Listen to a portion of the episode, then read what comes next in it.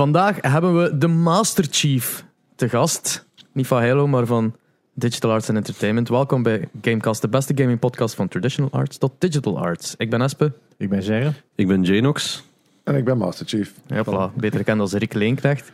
Ja, ik weet niet onder welke naam dat de studenten mij beter kennen. Ik vrees eigenlijk dat Master Chief is. Slecht. Zalig. Allee, dat vind ik een goede binnenkomer. En gewoon eh, zalig dat je student nu mogen aanspreken met een nickname. Is dat normaal?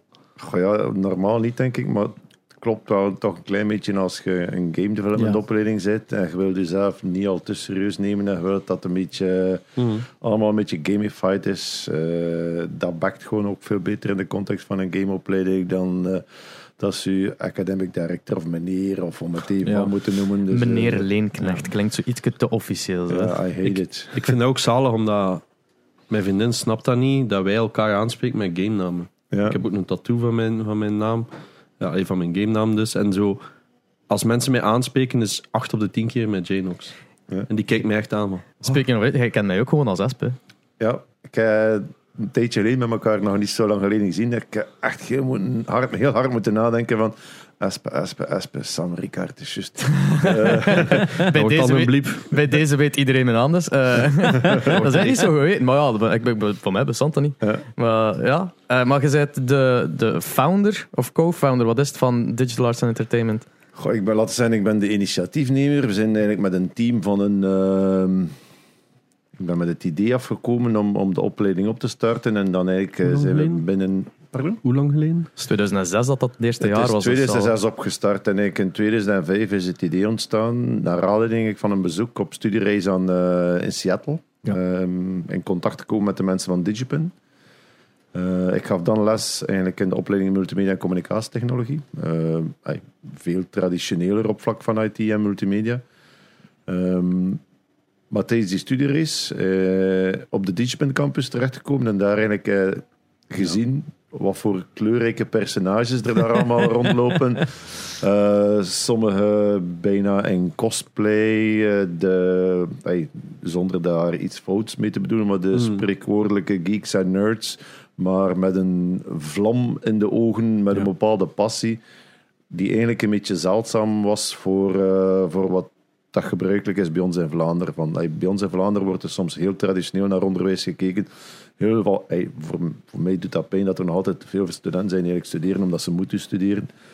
Eh, Maar daar eigenlijk eh, in Digipen gewoon een, een totaal andere vibe en sfeer gevoeld van mensen die gepassioneerd en met goesting op een zeer expressieve manier eh, studeren. En dat bleek dan, studeren voor een game developer was, eh, was ongekend op dat moment. Maar dan eigenlijk naar huis gegaan met het idee van, allee, als, als onderwijzer, als lesgever, wat is er nu zaliger dan in zo'n context te kunnen en mogen lesgeven? En dan is die, dat balletje beginnen rollen. Dan is het van, oké, moesten we nu zoiets doen in België? Ja, mm, wie of wat is er hier in België? Dan eigenlijk eh, beginnen surfen en beginnen googlen. Dan uiteindelijk uitgekomen op, op ah, er is. En eh, Ja. met Larian in, in contact gekomen. Met de mensen van Larian beginnen pingpongen en eh, proberen tot, eh, tot een concept van een curriculum te komen.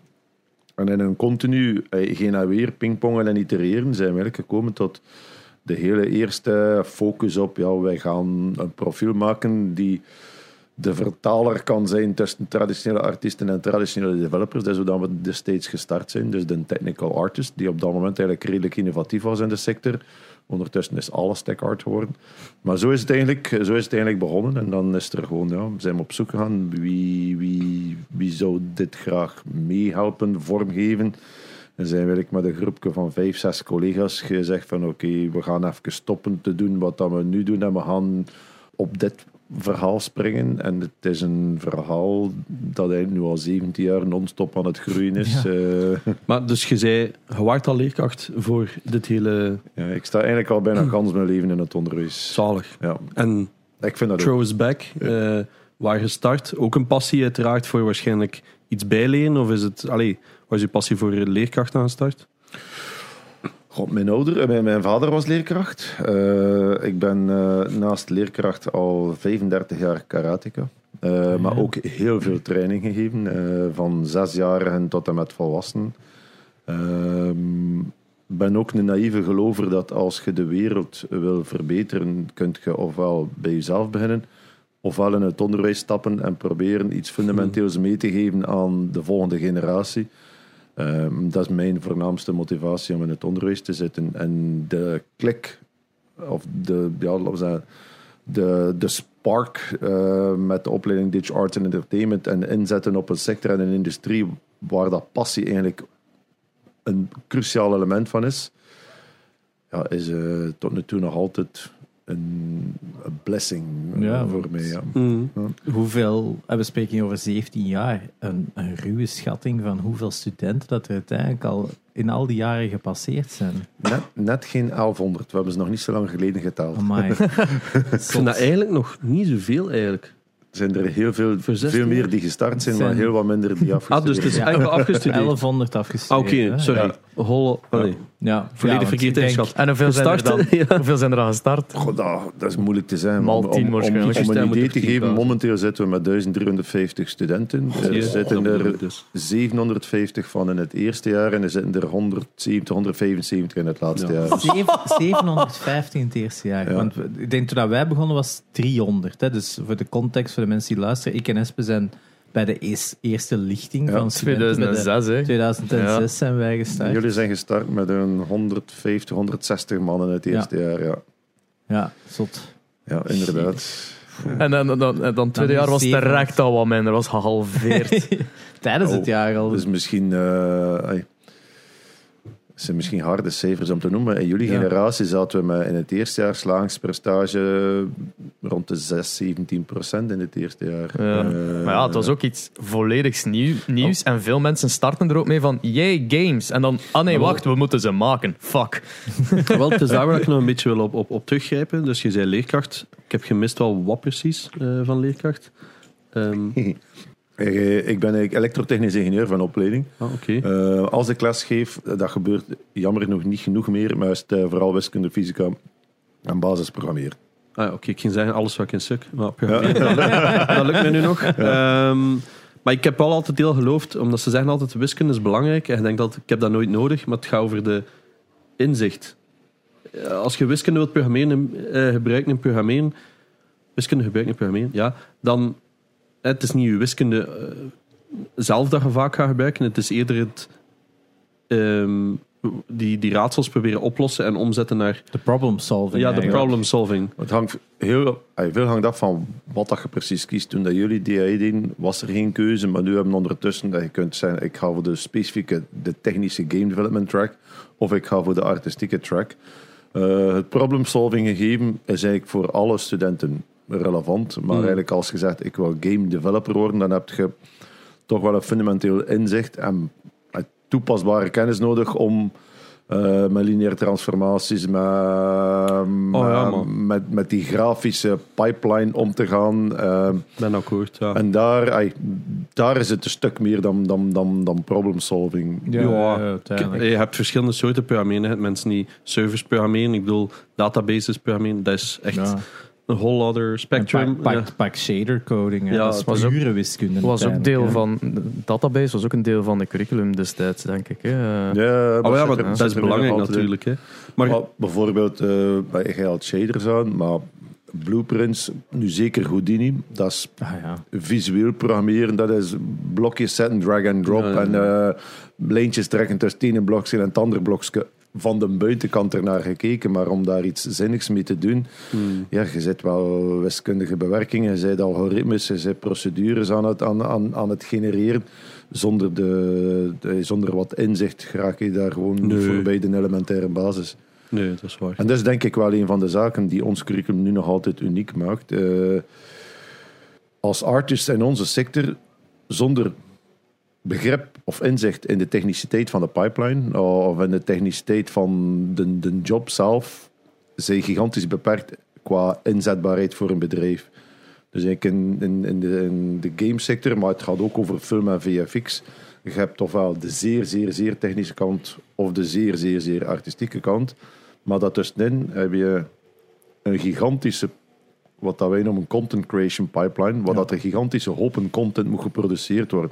En dat is eigenlijk waar dat wij op inzetten. Dus op die bij 80% van de jobs zitten, zijn nog altijd waar dat de content moet geproduceerd worden. Dus Ja. wij focussen niet zo hard op het conceptuele.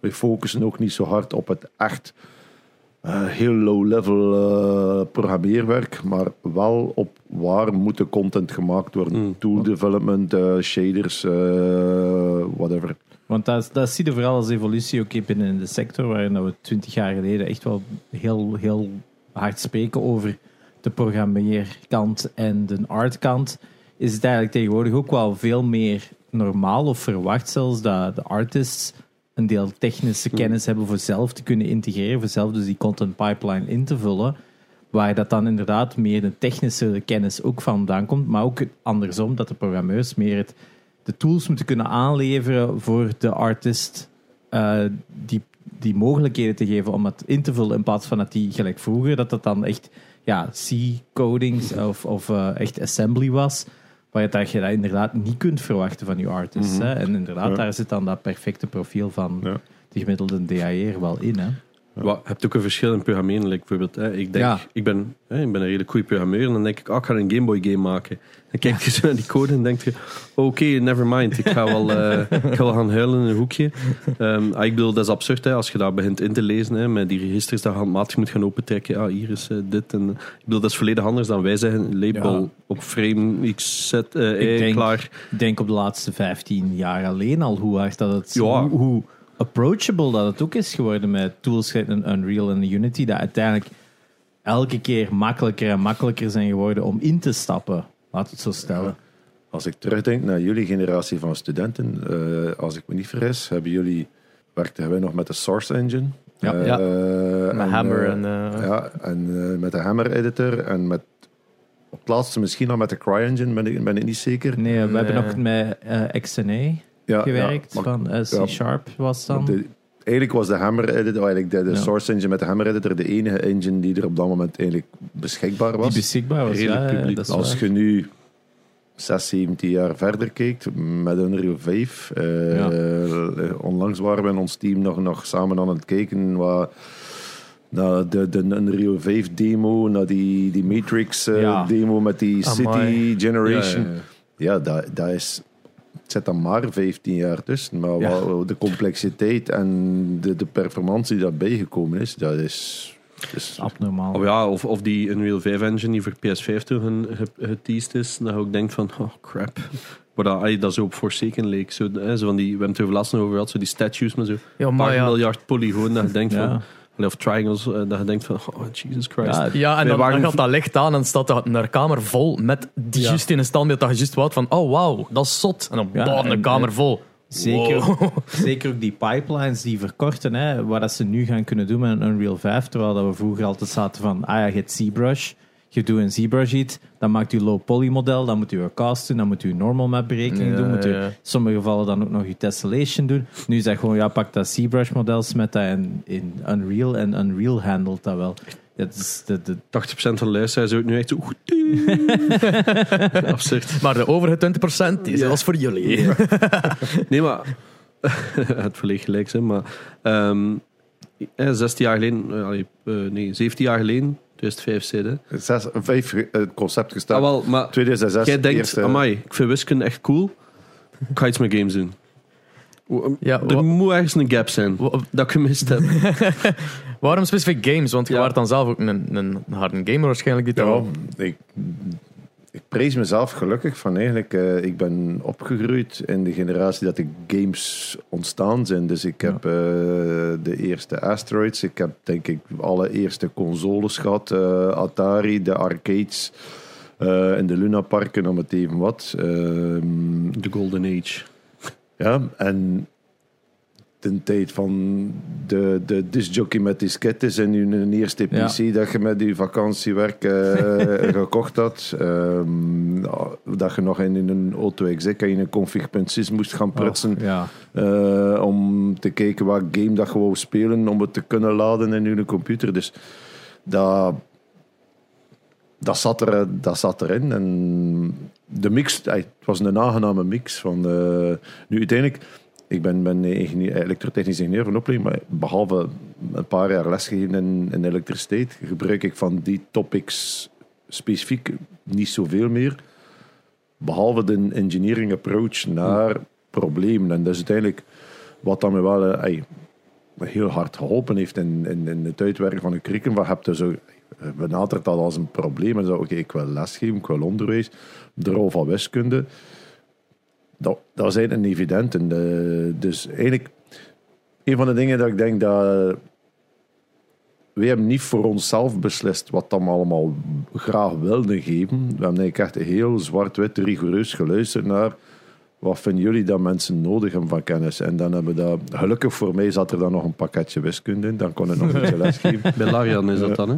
Ja, Want er is op een bepaald moment ook waarschijnlijk een connectie moeten geweest zijn met de overheid. Van, hey, wij willen ook erkend worden. Ah, ik, ik gok hier maar, hè, dus je moet mij verbeteren wat dat is. Wij willen iets met games gaan doen. Eén, ik ben 99% zeker dat de overheid iets had van... Wat? Ay, dat is al één. Twee, wat onderwijs met games. Dus die twee al. En dan drie, dat je dan nog iets hebt. Ah, hier ook nog. Ik bedoel, dat zijn zo'n gi- gigantische stappen waar hij over gaat. Wat een idee, en we hebben dat dan gedaan. En ik heb zoiets van, ja, daar zit een jaar tussen. Wat dat mij de absolute hel lijkt in België. Om zoiets gefixt te krijgen, waar ik wel in geïnteresseerd ben. eh. dat zijn eigenlijk eh, hele, hele, hele goede vragen. Eh, zonder al te veel te willen uitweiden over ons onderwijssysteem, dat niet altijd... eh, Ik ben ook geen fan, hè, maar... dat niet altijd gebouwd is op verandering. Eh, En vernieuwing. dus we zijn gedwongen geweest om, om dit curriculum op te starten als een keuzetraject onder de opleiding multimedia en communicatietechnologie. Eh, dus toen waren we eigenlijk nog in het begin zelfs een beetje beperkt in de vrijheidsgraden dat we hadden. Eh, dus eigenlijk de eerste, ik denk dat jullie afgestudeerd zijn met een diploma MCT, afstudeer richting DAI. Ja. Dus, Ehm, we hebben in 2013 de goedkeuring gekregen om als autonome bachelor eh, te mogen naar buiten komen. Maar dat is effectief maar gekomen nadat we hebben kunnen aantonen dat we één, dat er daar voldoende studenten in geïnteresseerd waren. Twee, dat er een werkveld was die vragende partij was eh, naar dit soort profiel. Maar het is niet zo'n evident proces geweest om die, die, die erkenning eh, voor een autonome professionele bacheloropleiding te krijgen. Eh, het heeft, ik denk dat we ja, drie jaar bezig geweest zijn met eh, de procedure aanvraag om uiteindelijk die goedgekeurd te krijgen. Dat bedoel ik dus. Dat, ay, dat is toch... Amai. Dan, hoeveel keer heb je nee gekregen dat je denkt van... Ay, gast, nu was ik echt zeker dat dit het was. Ja. Ay, zo dat, ik kan me dat gewoon inbeelden. Hè, omdat ik probeer ook altijd van alles te doen. En je krijgt overal altijd de deur op je neus. Omdat ze schrik hebben. En ik bedoel... We spreken hier echt over...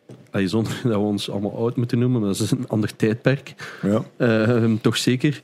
Ah, ik bedoel, dat is baanbrekend bijna. Ik bedoel, hè, tot op vandaag is die nog altijd de beste. De zoveelste jaar op een rij, de winnaar van drie, zeker? drie keer de, de nummer 1 verkozen geweest in de rookies, wereldwijd. En eigenlijk vorige week hebben we voor de derde keer de eh, Higher Education Institutional Award gekregen van de Grads Games. Zou zeggen, proficiat. ja, eh. Proficiat. Ehm, maar we hebben uiteindelijk wel een zeer goed onderwijssysteem in Vlaanderen. Maar er zijn, zoals in elk systeem, zijn er wel een aantal beperkingen. Ik zei, de voornaamste beperking is dat er weinig ruimte is voor echte vernieuwing. Maar in die end, zolang dat je kunt aantonen van oké, we hebben een programma. De bedrijven zijn tevreden en de studenten die het studeren zijn tevreden en er zijn er niet, niet veel aan de dop. Mm. Om een dop bestaat wel niet meer, maar wat, bij wijze van spreken. Eh, dan heb je een sterk verhaal. Eh, en nu nog altijd, na, na 17 jaar bezig zijn, hebben we eigenlijk nog altijd een zeer hoge eh tewerkstellingsgraad bij ons afgestudeerden. De tevredenheidsgraad bij de bedrijven ligt hoger dan ooit. De instroom is goed. Dus uiteindelijk eh, denk ik dat er momenteel niemand in Vlaanderen, eh tenzij misschien de concurrenten die niet op deze trein gesprongen zijn. Eh, maar uiteindelijk is dat denk ik een mooi verhaal, maar het was effectief, het was out of the blue. Er zijn heel veel mensen die What the fuck? Games? Wie, wie, wie zit er hier op te wachten? Hebben wij gamebedrijven in België? Dus dat was, dat was dat waren heel correcte vragen. En dat was eigenlijk de, de realiteit van onze eerste vijf, zes jaar DAE. Ehm, er is een behoorlijk gevecht tegen het systeem geweest, maar Maar alleen maar budget vrij krijgen van hey, wij willen ook een plaats. Hey, je zit op eh, Kortrijk, Ja. aparte locatie. Of, Nu wel, ja. Nu. Hoe lang heeft dat geduurd tegen dat de level gebouwd was? Ik denk dat we in 2014 naar de level verhuisd zijn. Ja, het heeft, eh, Dus je zei eerst bij een school gaan, veronderstel ik. Wat- Binnen HOEST, dus hadden we de opleiding Multimedia en Communicatietechnologie. We zijn opgestart als afstudierichting onder MCT, in ja, dezelfde lokalen, in dezelfde gebouwen.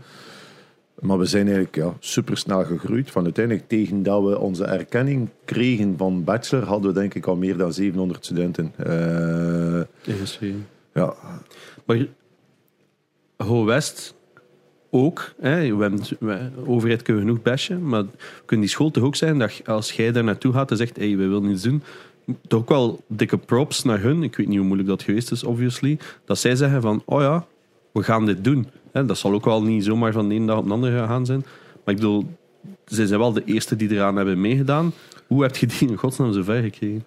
Dat is eigenlijk, ik denk dat er weinigen zijn die dat eigenlijk gaan geloven, maar dat staat of valt met de persoon die op dat moment eh, in, in charge is. En ik, eh, toenmalig departementshoofd Lode de Geiter, die nu uiteindelijk algemeen directeur van Gewest is, eh, ik ben met dat voorstel naar hem gegaan. En het was eigenlijk basically een verhaal van, ja, Riek, jij denkt dat we dat kunnen en dat dat een succes gaat zijn. En ik zei, ja, ik geloof daar eigenlijk echt wel in.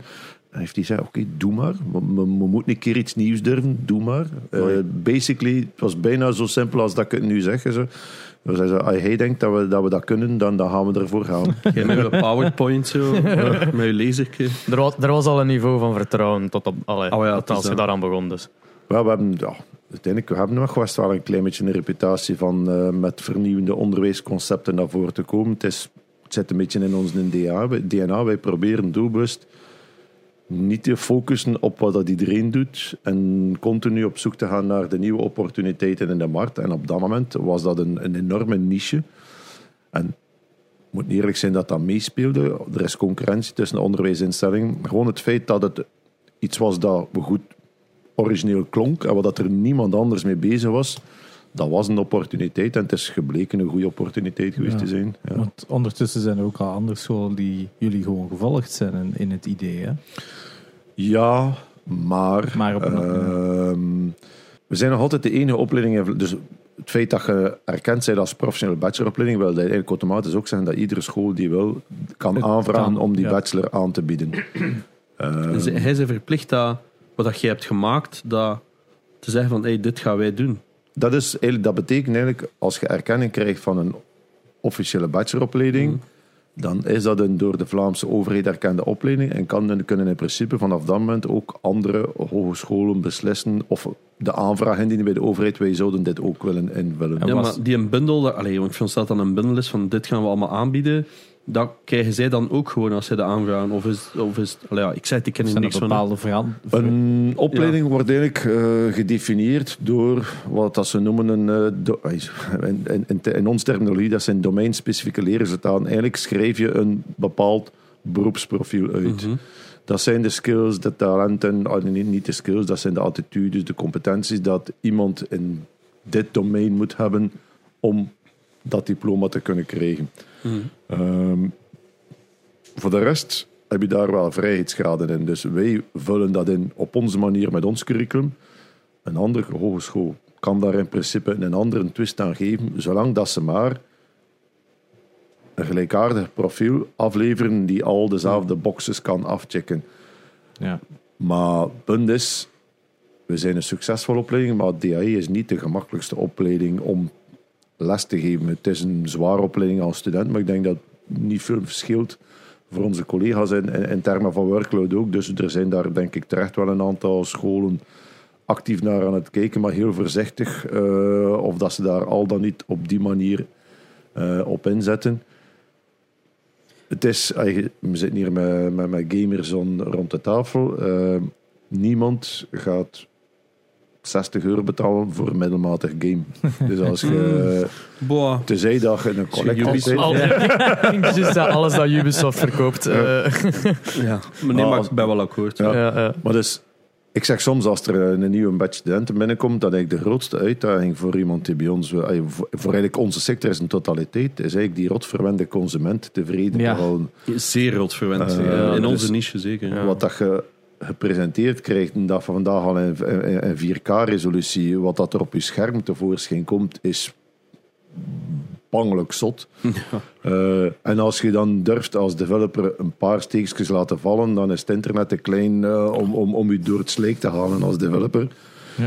Dus, ehm, Doen wij ook. Podcast ook zo. Ja, de podcast heeft dat ook wel gedaan. ja, maar, maar eh, het zit, in, eh, het zit in, in, de, in de aard van, van onze community, maar Ja. dat legt een ongelooflijke druk op het verwachtingspatroon van toekomstige werknemers. Ja, ja. Wie dat alleen maar middelmatige content kan afleveren, past niet in, in deze en, branche. en spijtig genoeg is het ook een, sector heel erg gekend door crunch, om die Ja. vereisten binnen te... Moet, moet nu wel zijn, ik, ik vind wel dat wij vaak streng, maar wel rechtvaardig zijn.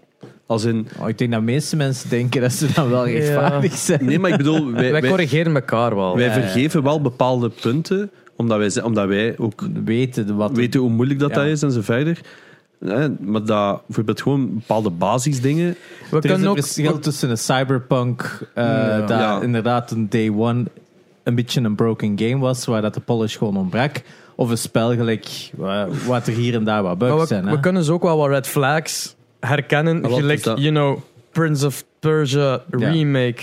Ja. Die eigenlijk al had moeten uitkomen en nu van developer switcht. Heb je dat gehoord? Out of nowhere. Dat is Prince of Persia. Een remake van een game dat al bestaat. Time. Is al een paar keer gedelayed geweest. Oké, kan gebeuren. Maar nu Covid switcht was het. het altijd. ja. Ja, dat was altijd excuus. Maar nu switcht dat van Ubisoft. Een of andere ding is naar Ubisoft Montreal terug. Ja, ander. ik denk misschien van Toronto, Oh, ja, Toronto er- naar Montreal Ja. of zo. het switcht ze gewoon van, van volledig van groep die er dan verder gaan werken. Dat roept niet echt veel vertrouwen in de game. Hè? Eh, En zeker omdat het een remake is. Hè? Een, een game die van scratch gemaakt wordt oh, eh, Ja, of ja. gekopieerd is, denk je nog van, oh ja, maar een remake, zo van, de game bestaat al. Allee, ik bedoel, wij weten allemaal hoe absurd moeilijk dat is om games te maken, maar die studio's ja, zijn er wel voor gemaakt. Ehm, maar ja, ik... Het hangt er allemaal vanaf wat dat de onderliggende pipeline en onderliggende Ja. technologie is. ja, maar het blijft Ubisoft. Ik bedoel, Ja. bijna alles is gewoon... Hey, copy-paste het. Nee. Alleen, met alle respect weer, hè, maar ik bedoel, zo komt het wel over naar de gemeenschap. Maar ja, qua creativiteit is het gewoon Ja. fill in the blanks. Ja, het is- ja. En het duidt wel weer aan, omdat van de week zijn ook weer de leaks dat Ubisoft waarschijnlijk bij de Game Pass volledig komt. Hè, de Ubi Plus. Dat is wederom een mistranslated. Ah, voilà, kijk, eh, zie je. ja. Van die dingen. Maar Ubisoft staat nog altijd half te koop. Hè. Ze Ja. staan nog altijd open voor een offer. Embracer, where you at? voilà, dat ging dus net aankaarten. Embracer heeft dus ook eh, deze week aangeka- eh, aangekondigd dat zij ehm, Square Enix, eh Eidos... ehm, Montreal ook. Ja, Eidos Montreal. ehm, Crystal Dynamics. Crystal Dynamics eh, opkopen voor, ik vind, een heel lage prijs van 300 miljoen. 300 miljoen is een absurd. Ja, 300 300 miljoen, veel geld. Maar ze hebben wel Gearbox gekocht voor 1,3 miljard.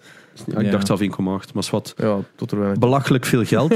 dus ik heb zoiets van, 300 miljoen is belachelijk weinig geld voor de IP's dat je krijgt. Alleen die IP's zijn al waard. Ja, Laat staan Raider, dat je al die studio's al meekoopt. Het is het budget van ene grote triple Ene grote Zelf- titel. ja, ik bedoel... Maar het was ook uitgekomen dat dan eh, Marvel's Avengers en Marvel's Guardians of the Galaxy, die twee games, een, samen een verlies van 200 miljoen hadden gegenereerd. What? Ja, No way. Ja. dus op zich... Verdiend. Sorry. Verdiend. Ja, maar de Guardians of the Galaxy won toch niet? Ah nee, nee. Ah ja, het is waar. Want dat hadden ze inderdaad gezegd, hè, dat die... eh, Die ook underperformed, hè.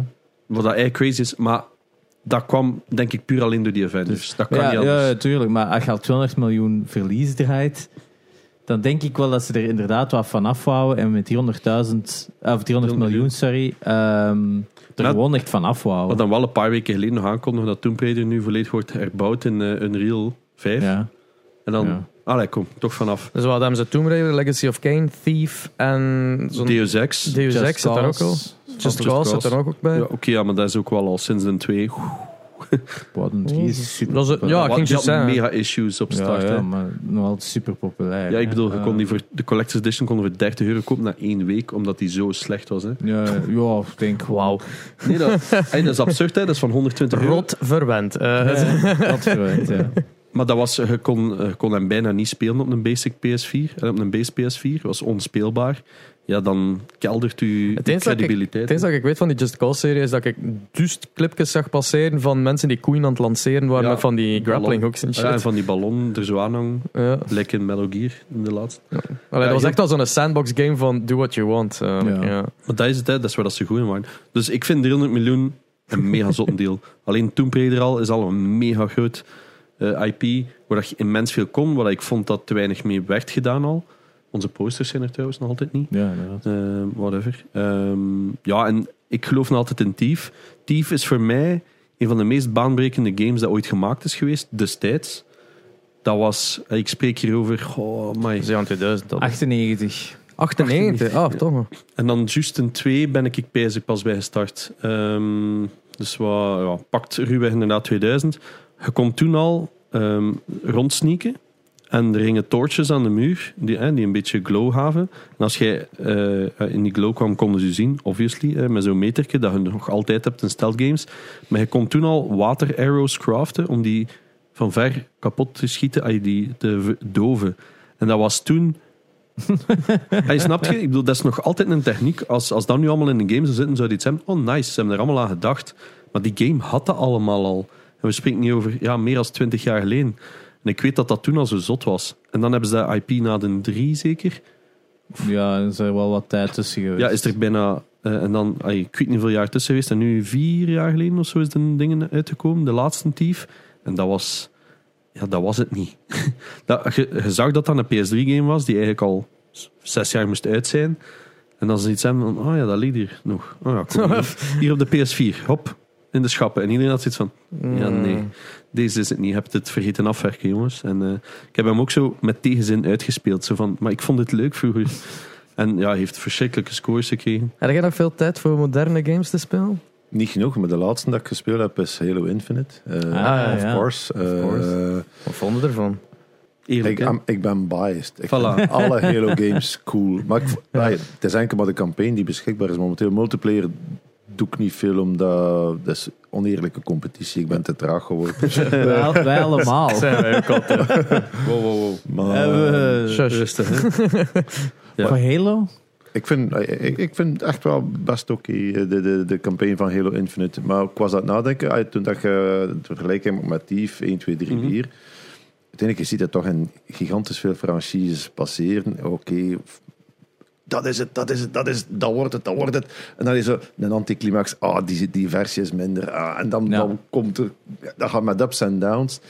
En ik denk dat dat een beetje eigen is, dat het verwachtingspatroon eigenlijk bijna per definitie nooit kan ingelost worden. Op Hoe een bepaald meer dat ze moment- blijven maken. Ik vind dat moeilijk, Altijd. omdat de GTA doet dat wel. Ja, maar GTA blijft bij de huidige versie van GTA. Ja. En dus ze slagen erin om dat te stretchen, net te stretchen, net te stretchen, net te stretchen. Ik denk dat Ik uiteindelijk... vind wel dat altijd een... st- ah, Ik Ik vind denk wel echt een betere voorbeeld zou een Resident Evil zijn. Ja, ik wou Uncharted zijn, maar... Ik denk een Resident Evil dat je na een paar delen altijd zichzelf heruitvindt om te zeggen van nu is er iets compleet Dat anders. is ook wel waar. En, hè, want het gaat die eerste drie, de, revolutie destijds voor de horror games, hè, de eerste zeker. De vier komt dan het verandert heel de mechanics aan een action game. De vijf is aan meer da- more of the same, maar met een koop. Iedereen vond dat nog tof. De zesde is verschrikkelijk. Niemand wil er iets van hebben. En dan zeggen ze bij de zevende, ah ja, nu is het een first person Ja. horror game. Ja, En het workt. Hè? ja. Maar Ja, om een duur moet je het gewoon veranderen. Je kunt niet altijd hetzelfde blijven doen. Hetzelfde met een God of War. Zoveel delen en dan veranderen ze het ook helemaal. Je altijd met hetzelfde verwachting blijft voortgaan, gaat inderdaad gewoon Maar die durven dat wel. Die durven dat. En dat is, dat is het ook. Hè. Game development is nog altijd een artistiek gegeven. En Mhm. artistiek is ook een beetje durven. Hè. Letterlijk, wat ik bijvoorbeeld aanhaalde met Thief is zo van... Ja, maar je hebt niks nieuw gedaan. ja, Je zit gewoon...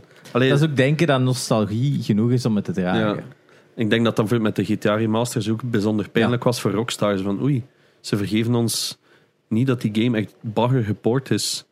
Puur uit nostalgie. Ja, nee. Mhm. Nostalgie kan maar zoveel Ja, het is dat. Allee, ik, ik heb het doorstaan. Ik heb het doorworsteld. Eh, omdat ik het wel goed vond. Maar ik had ook wel zoiets van, guys, kom aan, een paar steekjes laten vallen. Toch zeker voor een Rockstar, wat dat dan de GTA 5 aflevert, wat dat zelf op launch gewoon, oké ja, super lange laadtijden. Maar we spreken over PS3. Ik bedoel, hè, dat was echt... Ik denk dat, dan, dat er geen twee van die games zijn, die, die, die de tand steeds keer op keer op keer op keer blijven doorstaan, zonder eigenlijk GTA 6 uit te brengen. Ja, Ja, nee, het lijkt dus wel een unicum. Maar iedereen heeft wel zoiets van, ah, gast, Rockstar. het mag, het mag. Het mag nu wel eens. En dan zo, hey, hier is een physical versie van GTA 5 op de PS5. En iedereen had zoiets van, really? Was dat echt wat dan nodig was? En dan hè, met Dr. Dre hier nog een episode voor de online versie. Iedereen heeft zoiets van, maar dat willen we niet. Toch kopen ze het allemaal. Want Ja. het Blijft geld blijft opbrengen. een dus- tierenlier verkopen. Dus op zich, hè, Rockstar doet keihard goed. Ik bedoel, daar kunnen we weinig slecht over praten. Buiten dat wij alle drie niet echt fan waren van Red Dead Redemption, for some reason, de twee. Het is te traag. Hè? Niet fan is een Ja. woord. Het is gewoon te traag toe Ik moet hem altijd spelen. naar onze likings. Ah ja, oké. ja. Heb je nog een jaar tijd? Ja. Daarmee. daarmee. Ja, daarmee. Ik heb hem gespeeld, maar ben inderdaad gaat het traag. Het is, Gaat het is verschil tussen, eh, als ik met, met cowboyfilms wil vergelijken, Once Upon a Time in the West, dat is eh, de, de, de, de trage approach versus een, een moderne, gezellig Ja. knallende western. Ja, voilà, dat Ja, is. inderdaad. En, en de scene setting, superb. Hè? Je voelde nu echt daar, je waart op je gemakske. En na zes uur heb je iets van, ja, nu wil ik dat er actie is. En er, dan komt er zo één scène, bam, alles erop en eraan, prison break, alles erop. Super zalig. En dan weer twee uur op je paard. En dan had ik iets van, ja, voilà. Ja, op zich, Dat ze hebben, ze hebben de ultimate cowboy simulator gemaakt. Ja, het probleem sowieso. is dat wij er gewoon naar kijken van, maar het had een spel voor iedereen moeten zijn. Ja, en nee, nee, het is de eerste keer dat Rockstar ergens doet van, laten we nu eens een game maken voor een heel specifiek Ja, publiek. maar wij zijn Alhoewel, geen- wij zijn geen simulator. keer, want ze hebben nooit een table tennis Ja, game maar- gemaakt. ah. Maar ze hebben, eh, wij zijn geen simulator gamers. We zijn sim gamers. Waardoor dat, we kijken daarna zo van, oké, dat is impressive, maar niet voor ons. En iedereen die daar zo wel like, volledig kan sim-like inleven, vindt dat geweldig. hè. Maar, Dus, eh, maar jij moet veel zeggen. Jij hebt, eh, wat is de Lawnmower Simulator zitten het is spelen? een fantastisch spel. Moet ik nog altijd spelen. Op mijn to-do-list. Nu dat mijn Steam Deck kan dat daarop spelen. Zo. Terwijl ik het gas aan het afnemen ben. Ja. Dat schijnt is ehm, House Flipper ook gigantisch populair. Oh ja. Dus dat wil ik En aan, eh, aan mijn vriendin aanspelen. Mijn vriendin die speelt veel Powerwash, Powerwash, Powerwash Simulator. Simulator. Maar dat is wel de pure... Ze zijn gewoon met een hoge drukreiniger alles aan het proper maken. Ah, ja, hoe, hoe satisfying is dat om zo like, een mega vuile auto en dan zo daar ene stroke, daar zo tss, alles af. Zo van, oh, dat is proper nu. Ja, ik vind dat geweldig. Ik vind echt geweldig. Ja. Ik ga het nooit spelen, maar ik vind het geweldig. ik leer bij. Ja, ja de, de sim, de sim-categorie van games is gigantisch. hè. En dat heeft- is allemaal dat heeft zo- farming simulator. Dat heeft hè. twee kanten. Je gaat zo aan de ene kant, zo de, degene die dat super serieus nemen. Ik heb ook zo'n keer eh Bus Driving Simulator gespeeld.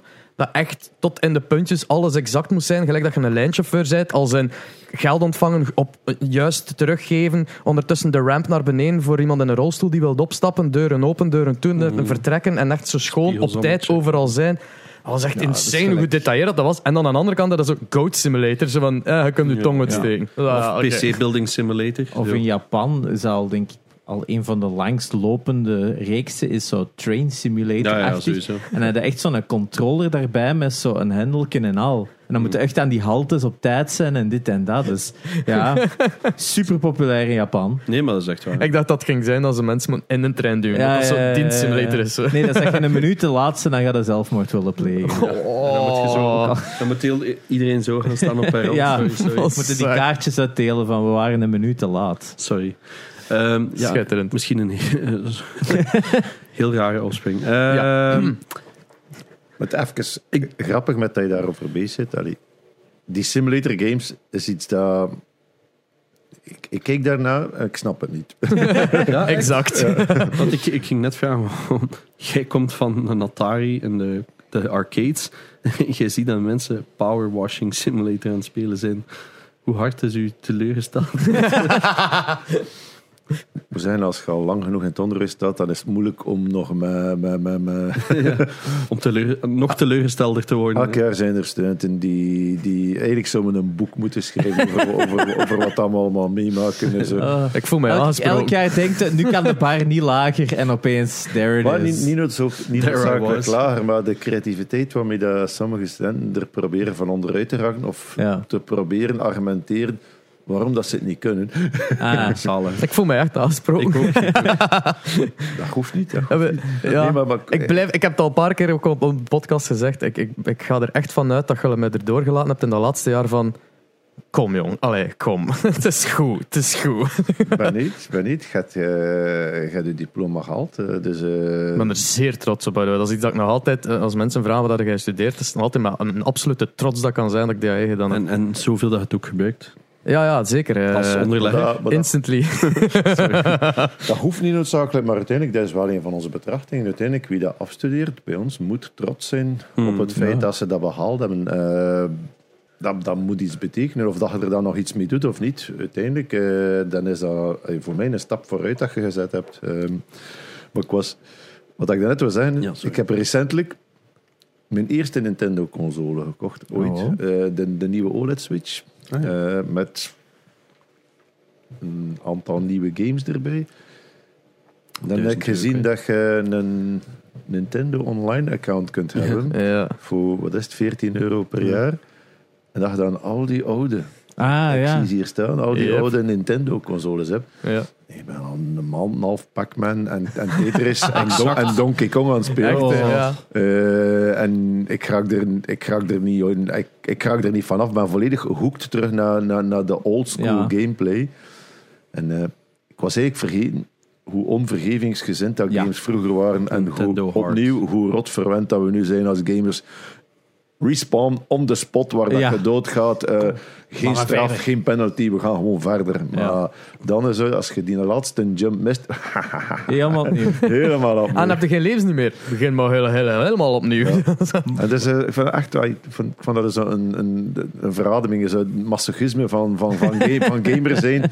In back in those old days. Zo, ik kan daarvan genieten. Zo. Maar er is ook een, een beetje een magie aan die tijd, omdat het allemaal zo exact was. Dat je vaak ook zo, als er dan iets mis was, dat je vaak ging, ah ja, ik had dat anders moeten aanpakken, of ik had dit of dat. Ik vind bij heel veel van de goede spellen, want er waren ook natuurlijk heel veel slechte spellen, dat het, het gevoel eerder bij jezelf werd gelegd van, oké, ik kan dit wel, maar ik heb gewoon een stomme fout gemaakt. Ja. Terwijl tegenwoordig is dat, oh ja, maar mijn camera stond niet goed, of, of hier, dat was een glitch, of dit of dat. Er zijn zoveel meer excuses voor waarom dat je in een spel niet good. slaagt. Ja. Welk? Kid Good, ja. Kid Good. Inderdaad. Of, of ja, inderdaad een 14-jarig kind dat je natuurlijk aan het afknallen Zijn jij niet like, door de map gevallen onlangs? Ja, ja. ja super maar ik had zelfs... Maar toen, ja, het is allemaal zo tight. Hè. Dat is waarom dat ik denk ook zo games gelijk een Jump King ook zo verslavend zijn. Omdat er uiteindelijk de enige dat je de schuld kunt geven is jezelf. Ja, fucking Flappy Bird. Of Flappy Bird. Het is ja. gewoon een fucking vogel. Frustrerend. Maar hoe, wat een goed spel is dat? Allee, Ja. hoe, ik heb daar uren aan versleten. Nog eentje, nog eentje. In mijn bed. En mijn vriendin echt na twee uur. Nu is het godverdomme gedaan. en dat ik daar zit, fuck, fuck. Maar dat was ja, gewoon om dan de volgende dag... op- Exactly. Ja. op, het, op het werk te kunnen zijn. Ik heb eentje meer als u. En dan, Ah. zag je, en dan zag je dus echt zo. Fuck, dat kost mij weer een week. En wel zo dat. En, en ja, die, ja, ik vond dat wel zielig dat hij doet. Dat heeft moeten offline halen. Wel respect hè, dat hij dat gedaan heeft. Ik bedoel, Ja. 100k per dag binnenrijven of wat was het. En dan zeggen, ja, ik ga het niet meer doen. Te veel Ja. doodsbedreiging. Dat Ja. ik ook denk van, what, what just Hij heeft happened? nadien terug wel online gezet was. Denk ik. Nee, hij heeft een nieuwe game gedaan. Zo'n nieuwe Flappy game, Bird dat 2-achtige, dat je zo omhoog moest. Ah, ja. In de plek van Sideway. Whatever. Niet zo belangrijk. Ehm, ja, maar wat ik eh, grappig vond aan uw statement, is juist van die oude games, dat is ook, hè, ik loop dan binnen in mijn game room, dat is zo ah, PS5, Xbox, PC-setups overal, alles erop en eraan. En dan wat koop ik, is een oude Game Boy. Eh, Een gemodde Game Boy dat ik gewoon met gemakske Donkey Kong kan spelen. Ja. Hoe dat ik hem vroeger speelde. En dan sterft je drie keer in, de eerste twee cut levels. omdat, je, omdat je inderdaad gewoon zei van, oh ja, dat is allemaal vergevingsgezind. En dan zo, wat? Moet ik helemaal opnieuw beginnen? Die audacity van dat spel. Eh, dat, en ik kan daar wel enorm van genieten, hè, maar je mist het toch wel ergens, vind ik. Zo, maar beide kanten. Dus aan de ene kant denk je van, man, ik heb echt geen tijd. Gun mij gewoon die drie levels terug. Ehm, en dat wat cool is met, met die flashcards dat ik dan heb, kun je wel zo'n custom save point maken. Ja. Maar dan toch, gun mij dat gewoon, maat. En dan, Ja, want dat is natuurlijk op die Nintendo kun je op elk moment tegenwoordig wel saven. Ja, Dus maar dat, dat mag je niet doen. dat moet je niet doen. hè. Ja. Dan had het niet echt Nee, uitgespeeld. niet echt uitgespeeld. Ja, wij hebben Ghosts and Goblins zowel met save points van fuck deze. eh, Ja. opnieuw. historisch Maar, het ja, maar, ik vind zo'n oude game spelen nu veel, meer, eh, veel leuker in een sociaal gegeven, waar dat je de controller even kunt afgeven van hier doe jij nu de hot potato van doodgaan is afgeven. Even, ja. Ja, omdat je dan iedere keer zo dat moment hebt van rust en ook ziet hoe dat iemand anders aanpakt, dan dat is, dat is ideaal als je dat met twee doet. Met te veel casuals was dat altijd de max om zo'n oude games te spelen en dan gewoon fuck, we raken niet verder, het is aan nu. Of ah, ik raak niet verder, het is aan nu. Dat is aan iedere Ja. keer wisselen. Dat ging veel makkelijker. Het erge is dat je van die spellen speelt van vroeger, die ja eigenlijk voor kinderen waren. Zo gelijk die infogram dat dan zo Robbedoe zat en Kuifje en allemaal. Als je die vandaag de dag speelt, denk je echt dat waren masochisten wat die kinderen aandeden. Dat is on... Dat kun je gewoon niet Hoeveel honderden keren dat ik Robbedoes heb gespeeld. En dan ontdekt dat ik zo maar een half uur van dat einde zat als kind. Oh man, ik was zo gefrustreerd. Als ik dat deed. kijk, zo, kijk zo op YouTube en ik ben zo doodskippen. Zo, dit heb ik allemaal gespeeld. Dan zie je echt dat er nog maar zo'n stukje van dat balkje is in die playthrough. Hier ging ik altijd dood en dat is zo, oh my. zo fucking Oh, ik heb ooit zo'n eh, met, met een Mega Drive hier, met de Lion King, ook in die laatste level voor de eerste keer geraakt. Maar zo, dat dat zo lang duurde om daar te geraken, dat dan plotseling etenstijd was en mijn zus kwam Ah, gewoon dat in een console afzetten. Man. ja, dat, dat die hab in haar voorhoofd nog altijd zien, jongen. Ja, dat is bij ons ook al een paar keer geweest. De ruzies vroeger nog om op de pc te mogen. Hè. Zo'n ene computer van Ah. iedereen. En dan, ja, uw half uur is voorbij. Het is nu aan mij. Nee, het is niet waar. Nog 30 seconden. ja, die, eh, 30 seconden. Ja, maar echt zo. Hè. Maar, maar joh, we hebben ruzie gemaakt als kinders. Ja. Om duur dat mijn ouders gewoon zijn, hier is een tweede pc, we kunnen eerst niet meer Ja. aan. Maar je hebt dan vroeger zelf ook een PC gekocht. En welke games speelde daar dan op, dat je nog weet? Eh, heel veel strategy games. Eh, Vroeger eh, Dune, eh Ah, ja. Total ook een nieuwe van? Hm? Dune is nu ook een nieuwe van. Ja. Eh, maar ik Total Annihilation, eh, noemt hij dat? Commander, blablabla. Command and Conquer. Ja. Nee, ja, dat ook, Red Alert. eh, heel veel strategy games gespeeld. Syndicate? oh ja. Ja. Ah, je ligt echt zo op. Ja, ja. maar dat was echt een Maar was supergoeie. van Thief bezig. eh, Dat deed me een beetje denken aan, eh aan Splinter Cell. Oh, ja. Oh. Eh, commando's. eh, Oh man, ja. daar heb ik al heel lyrisch over geweest. Dat ze daar nog altijd niet... Dat, Ze dat hebben dat gereboot en hebben ze die 4 gemaakt. Dat was dan plotseling een FPS. En ik had zoiets van, ik ga onderga het. Maar het was zo heel tijd van, eeuw, dit voelt vuil.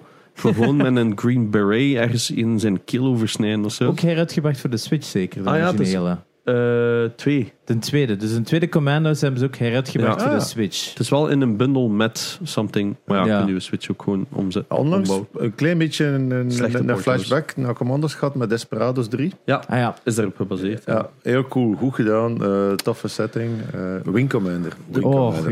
ja. En Descent was het ook onlangs dat het op onze er bestaan Discord commando's met, met samurais.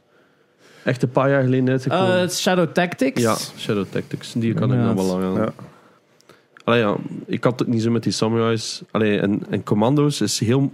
Ik heb die allemaal gekocht op Steam. Ik wou die echt spelen, maar de helft runt gewoon niet deftig. Ja. En ja, de 3 is voor mij gewoon iconisch. 2 en 3 ongeveer. En ja, ik wil...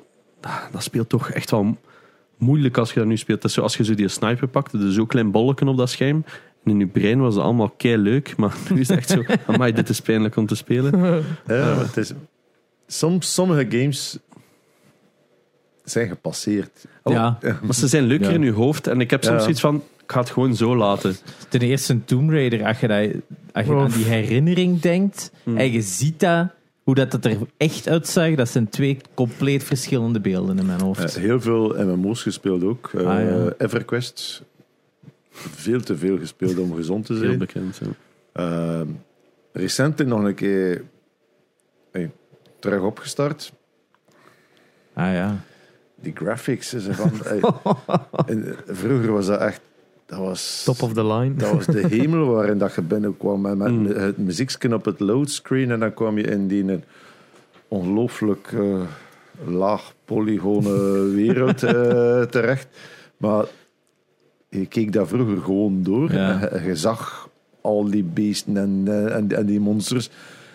En nu... Je maakte dat cooler in je hoofd. Hè. Ja. Omdat dat het coolste was. Maar, hey, maar ik vind dat dan wel interessant. Wat vind, wat vind je dan van RuneScape? Dat dat nog zo populair is? Want Dat dat, is je- echt verschrikkelijk. Hè? Dat zou jij moeten naar mijn zoon vragen. Die is een ongelooflijke RuneScape addict. Die heeft maar één doel, is ooit alles maxen. Ja, dat je, je zit- er niet, blijkbaar niet zo super ver niet meer van. Maar Dat is, eh, is een klein beetje een raadsel voor mij. Hoe dat, dat die mannen van RuneScape, hoe dat die blijven erin slagen Ik om... snap dat niet. om Ik snap dat echt niet. En net specifiek dan oldschool RuneScape. Ja, Want er zijn ja, nieuwe ja, versies. Nee, nee, nee. nee. Die Ja, eerste. ja. Nou, OSRS. hè.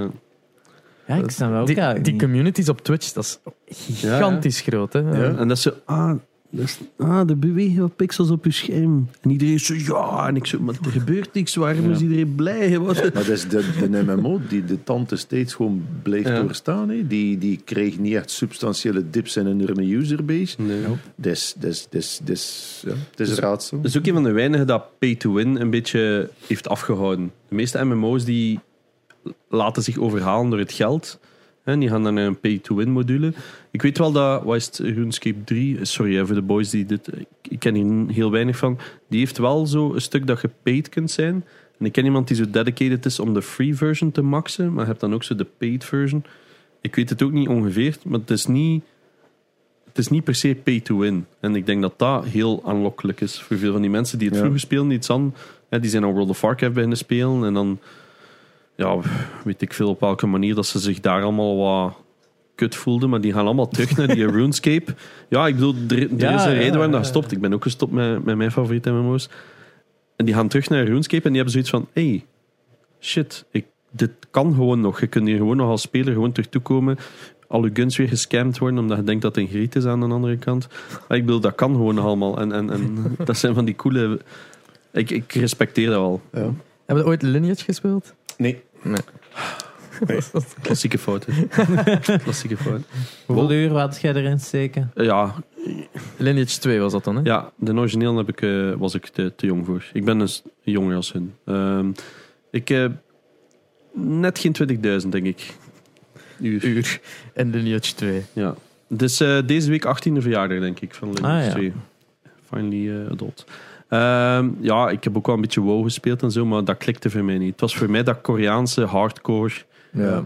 Dat, dat was voor mij... En, Ik ben ook van EverQuest naar World of Warcraft overgestapt en nooit echt een, een echte band gehad met, met WoW. Maar bij WoW is dat zo, hey, we skippen samen door de wereld. Oh, hier is een quest, yeah, hier is een spinnetje dood. En, en terwijl dat bij Lions is dat, "Ah, ik heb net 18 uur gegrind voor 1%. Ik ga één keer dood en ben 3% kwijt. Ik ben drie dagen progress kwijt. Ik Dat bedoel dat... exact hetzelfde in EverQuest. Ah, wel, maar dat bedoel ik. Dat, dat is zo die een extreme Koreaanse, zo die zweep die erop zit. En bij WoW is het zo, oh, ik ga als geest terug naar mijn lichaam springen. dat is zo van, die handholding is volledig... En ik snap dat, hè. Ja, Die, dat spel is fantastisch, World of Warcraft. Je kunt dat niet ontkennen. Die lore dat Blizzard heeft en ja, nog altijd, ja, ik bedoel, heeft, had en heeft, had. Het is moeilijk, ja, vooral had. Overwatch. is gewoon bang on. Die lore, elke keer, like van de week kwam, eh, of vorige week kwam dat filmpje uit van de nieuwe World of Warcraft expansion. En iedereen had iets van, moet terug mijn account activeren. Ik heb zoiets van, nee, Dat moet er niet. moet jij niet. Waarom moeten we daar nog voor betalen? Dat is zo wack, hè. Maar ze zijn, ja, ze weten wel wat ze doen, die mannen. World of Warcraft Wisten. is, is, is een van, voor mij een van de best gemaakte games. Eh, Ja. Qua totaalconcept, ook al heb ik er nooit echt Maar- een, een harde klik mee gehad. Het is gewoon heel mooi gemaakt. Ja, en dat ze het zoveel jaar kunnen boeiend hebben kunnen houden. Maar dat vind ik zo zot. Dat zijn een van de enen die je er niet hebben reinvent. Dat Ja. ziet er nog altijd uit alsof je dat 15 jaar geleden... Allee, Ze hebben wel even een upgrade gehad, hè, een visual upgrade op een gegeven dat? punt. Want daarom dat mensen ook terug naar classics zijn gegaan op een duur. Hè, omdat ze Ja, terug die- naar die oude look ook wou, deels. Hè. Ja, oké, maar zo hier en daar een bosje bijtekenen is voor mij geen real. ik vind wel dat het er... Ik denk, als je ze naast elkaar zet, dan zou je het verschil zien. Als je het niet weet, dan zie je het niet. Ik weet niet, kijk, zo, Speaking of naast elkaar liggen, Ja. hij ziet het verschil niet. Misschien dat we kunnen overgaan naar Overwatch 2. hebben we het er vorige week niet over gehad misschien? Ja, nou, ik weet dat niet, denk ik niet. Nou, nee, dat is al... Ja, Overwatch 2 is de hel. Maar echt de hel. Oh my, dat is, Ik cru, dat is cru. Ik zal, ik zal het even aankaarten. eh, aankaarten. Dus ehm, we weten allemaal, Overwatch 2 dat is een paar jaar geleden aangekondigd door Blizzard. Zeiden van, hey, eh, jullie favoriete game dat niemand nog speelt, er komt een tweede van.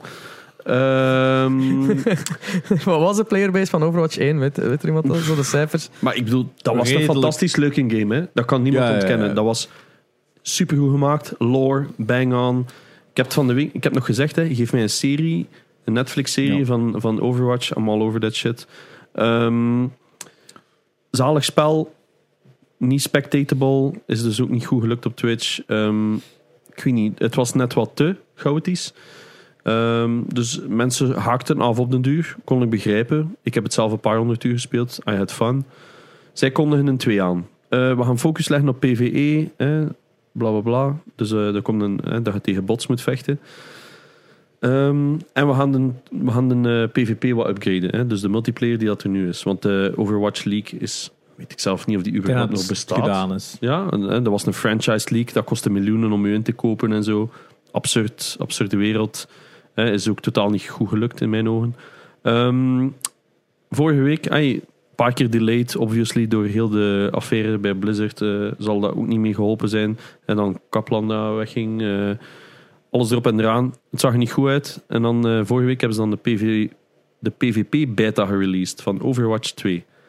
Dus de focus is van Overwatch 2, want dat is wat de fanboys zeggen. Ja, maar het is eigenlijk een PvE-upgrade waarvoor dat je betaalt. En ik zeg, ja, maar ze geven een beta voor enkel de PvP. Ik ga mijn mening geven over de PvP. Want als je ze naast elkaar legt, je ziet geen ene fuck verschil. Is en het echt? is heel, heel erg. Wow. Het is heel, heel erg. Er is geen visuele upgrade. De mappen zijn 99,99% hetzelfde. Behalve- dat zou overdag zijn. Voilà, soms zijn ze overdag, soms zijn ze s'nachts. Dus het is een day-and-night cycle. Of, daar iemand, of iemand dat wou, hebben ze niet gevraagd, maar het is er. Dus eh, dat hebben ze wel. Dus ze brengen een beta uit, eh, super exclusief. Ze hebben dat wel naar wat streamers gestuurd. En je moest dan minstens drie of vier uur kijken naar een stream. En dan konden ook een code krijgen. Ja. Ik heb het zelf zover niet gehaald. Ehm, I really tried. Ehm, dus wat hebben ze veranderd? De 6v6 is veranderd in een 5v5. Dat er maar één tank is. Hè, dus één tank, twee healers, twee eh tackers, uh, damage dealers. Waar op zich ik eh, heel harde fan ben. Van dat ze die meta een beetje upshiften. Dat het niet meer tank dive is. Akkoord. En voor de rest is er geen jota veranderd. Maar dan bedoel ik ook echt niks. Er zijn twee characters die een beetje ja. reworked zijn. Ja. Omdat niemand ze gebruikte. ja, en stun moves zijn verdwenen. Ja. En voilà. That's it. Ja. En letterlijk de hut en al ziet er gewoon hetzelfde uit. Ik, had, ik vroeg het. ehm, ik had Demis, eh, een gast die hier geweest is, die hutte fan is. Ik rate die eh, op Twitch. En ik zeg, ja, kijk, eh, ik wil heel eerlijk zijn. Ik weet niet of je nu Overwatch 2 of 1 aan het spelen bent. Ik zeg, heb je de tutorial gehaald? Allee, ik bedoel, heb je de beta gehaald? Ja, dit is het. Ah, ik zei, ah, oké. Hey, veel plezier. Allee, ja, ik, ik, ik, ik bedoelde, dat- ik wou dat echt dat dat goed was. Maar iedereen dat ik hoor zegt van, ja, maar er is niks veranderd. Een paar heel grote streamers hebben dat ook gezegd van, ja, maar ik ben niks anders aan het doen. Hè. Ik pak gewoon altijd diezelfde champ dat ik speelde en weet ik veel, een damage dealer. Ik klik nou altijd op dezelfde util. That's it. Het zijn dezelfde maps, dezelfde game modes. Niks, niks, niks. En dan hebben de fanboys iets van, ja, maar er komt PvE. En ik zeg, ja, maar noem het, noem het niet Overwatch 2. En dan, ja, maar je kunt toch niet enkel vallen over de terminologie? Jawel, exact dat. Noem het, het is gewoon een update. Noem het gewoon zoals dat is. Ja. Je hebt een update gemaakt van dat spel. Het heet Overwatch 1.1. En het werkt niet. Ja, maar dat is toch... Ik bedoel, en, en ik zeg, Overwa ehm, Age of Empires 2 krijgt na 20 jaar nog altijd gewoon een update met massa's nieuwe features. En die heeft zoiets, ah cool. En die, eh, oh, ik weet niet of dat betaald is of niet, daar wil ik me nu nog over, niet over uiten. Maar die noemen het niet over eh, Age of Empires 3. En dan hebben ze allemaal iets van, ja, ja.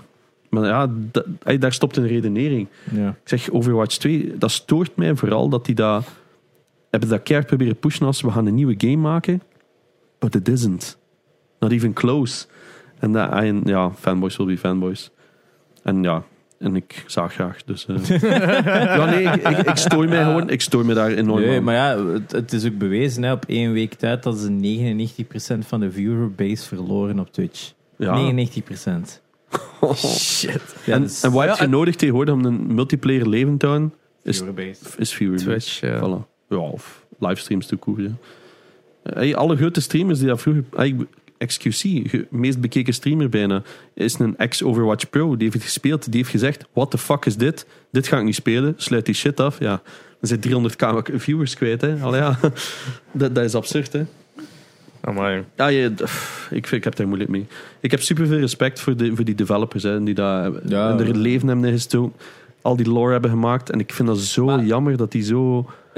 Op zich blijven ze nu gewoon een beetje heel veel tijd en geld steken in een game dat kind of flawed is. Dat eigenlijk zijn tijd heeft gehad. Maar Is nee, want ik een vind dat cool dat de meta veranderd is. En, en Ja, dat ja, vinden maar- de spelers wel leuk. Maar er is maar zo een niche publiek Ja, meer een dat zich nog spelers ja. noemt. Al de rest, die dat, je hebt eigenlijk altijd een grote playerbase nodig om een game populair te houden. Dus je moet de average gamer, eh, want dat is waarom dat Fortnite, hè, die ging keihard naar beneden, omdat zelf die kleine kinderen zoiets van, damn, dat wordt hier moeilijk met al dat bouwen. Hè, terwijl die zo zitten op een iPad voor, voor te kunnen beelden. Dus wat, dus wat zeggen die Is mannen... het alweer beschikbaar op een iPad? Nee, nee, Nee, nog nee, altijd niet. nee, want dat is waarom dat mijn neefjes een Playstation wouden, omdat ze niet meer op een iPad konden spelen. Ehm, dus wat, Fortnite die had zoiets van, damn, wij zien dat de viewerbase en de casual ehm, playerbase, wat dat zij nodig hebben voor skins te kopen, wat dat hun geld opbrengt, eh, Belachelijk veel geld. belachelijk veel geld. Ik heb er wat research naar gedaan. Auw. Eh, ehm, die hebben zij nodig. Dus we hebben zij gezegd, weet je wat, hier is een no-builder zone. Bam. Ik weet niet hoeveel procent dat die incline was. Iedereen was dat Er spelen nu, denk ik, meer mensen Fortnite dan op hun hoogtepunt Het probleem is, Er waren ook veel mensen die dat niet durfden toegeven dat ze dat spelen. En nu hadden ze zoiets Ja. van, ja, maar ik speelde dat eigenlijk wel. Maar snap je, dat hoor ik nu heel vaak. Ja, maar ik heb dat vroeger wel Ik veel ken gespeeld. mensen die, die amper games speelden, die Ja. nu zo hoorden van, ah, maar dat is no build mode en dat is gratis en het, het is niet meer sweaty. Ik zal kick spelen en dan wordt in de eerste vijf lobby's gesmeed met bots en Hmm. gewint en zij hooked. Hè. Dus ook heel veel van, van mijn kijkers... zeggen. Ja, maar je zit al lang niet meer in je botlobby, zeg. hè. Nee, nee, nee. Eh, ja, zelfs Jerry is Fortnite begint spelen. Ja. Dat zegt Maar genoeg. Met dat ik het hoor dat er nu een no-build modus is, um, I will also pick it up Het is echt het is, het is een overload aan informatie voor like, de eerste paar matchen, Ja. omdat je niet weet waar eerst kijken, want het is al zo stampenvol met stuff. Maar op den duur had je dat door en dan zijn we weg. Dan, dan is het echt, alleen nog een potje. Alleen nog eentje. Al kom nog eentje. Ja, het is, je kunt het niet... Het is een goed gemaakt spel. Ja. Ik heb dat altijd gezegd. Ja, ja, tuurlijk. Ja, dat hebben we ook frustreer- nooit ontkend, Nee, denk ik ik. frustreerde me er altijd aan, omdat heel veel mensen bashen daar gewoon op. Ah, want het is voor kinderen. Ik zeg, who the fuck Ja, cares? speelt. ik zeg van, allee, ik, ik ben er altijd heel eerlijk in. Hè. Ik zeg, dat kan mij niet schelen. Ik zeg, ik vind dat principe van dat spel keigoed. Ze hebben dat bouwen verkloot door daar zo dat turbo-building in te steken. En ja, ik zeg het, hè, op die toernooien dat je dan zag van, oké, ja, dit is gewoon... De Ze zien elkaar. En Eiffeltoren. Als je naar de PEGI-codes kijkt, de meeste games zijn voor kinderen. En wel, Ja, maar het ding is, maar het, is ook, het is ook de, eh, een eh, stereotype wat we zelf al moeten vechten, te- tegen moeten vechten sinds altijd, dat iedere game voor kinderen is. Dus zo, als je als volwassene zegt van ik speel games, dan is het toch Ah. heel vaak zo van, Dacht, dat is toch voor Hebben niks anders doen, hebben Ja. niks serieus te doen. Ah, wel, voilà. Moet je geen boek lezen. Zo, Ik heb vorige week... ik, ik, dat is nu mijn harassment. Hè, dus vrouwen worden kapot harassed in games. Absoluut verschrikkelijk. Akkoord moet gefixt worden. Hopelijk is iedereen daarmee bezig. Ik zit nu in een, in een kut stadium dat ik word harassed omdat ik nog game, omdat ik, net, omdat ik 30 ben. Dan heb ik iets van... huh? Dus ik ben online aan het spelen, competitief, op een hoog niveau. Wat was het? Eh, Ja, ik Counter-Strike? was Counter-Strike aan het spelen. Ik ben keigoed bezig. En dan eh, zegt er zo'n dude van, ja, je klinkt wel eh 50. Ik zeg, oh. Ik zeg, eh RDG. Ik zeg, en dan, ik, ik ben zo dom om te zeggen van, mijn kleine heeft precies nog een hoger IQ als u. Hè? ik, ik ben ook wel een trash talk, hè? don't get me wrong. Maar ja, en dan begint het, hè, van wat, je hebt een kleine, je durft nog online games spelen. Hè, wat doet hij? Moet je niet op je kleine gaan letten? Ik zeg, het is half twaalf s'nachts, wat moet doen? Die uit zijn bed gaan halen of wat? Hé, maar snap je? Dus, ik word daar constant op afgerekend dat ik te oud ben om videogames te spelen. Ik zeg, maar waarom? Ik ben oud, ik heb al niet zoveel tijd als u en toch ben ik beter als u. Je zou je één moeten schamen. Ehm, dus eh, kijk sowieso naar mijn YouTube-serie over hoe word ik beter in shooters. Ehm allee, en, en, en twee, waarom niet? Ik bedoel, ik mocht toch in mijn vrije tijd doen wat ik wil. Als ik mezelf bewust slaap wil eh, laten om, om nog wat te kunnen gamen, terug naar, naar mijn jeugd te grijpen, dan doe ik dat toch gewoon. Maar dat is echt heel pijnlijk gewoon over hoe agressief dat die daarover zijn. Eh, En, en ik vind dat echt irritant gewoon. Ja, maar dat is fucking online gaming. hè. Je gaat altijd... Dat lijkt iedere lobby van gelijk welk spel zit vol met I know, maar idiots. Hè, ja, die zo zitten te sp- like, fucking nonsens te spuwen om een reactie te krijgen omdat hun eigen leven zo dood is als iets. Hè. nou ja, ja, ik weet het. Ik, zou, ja.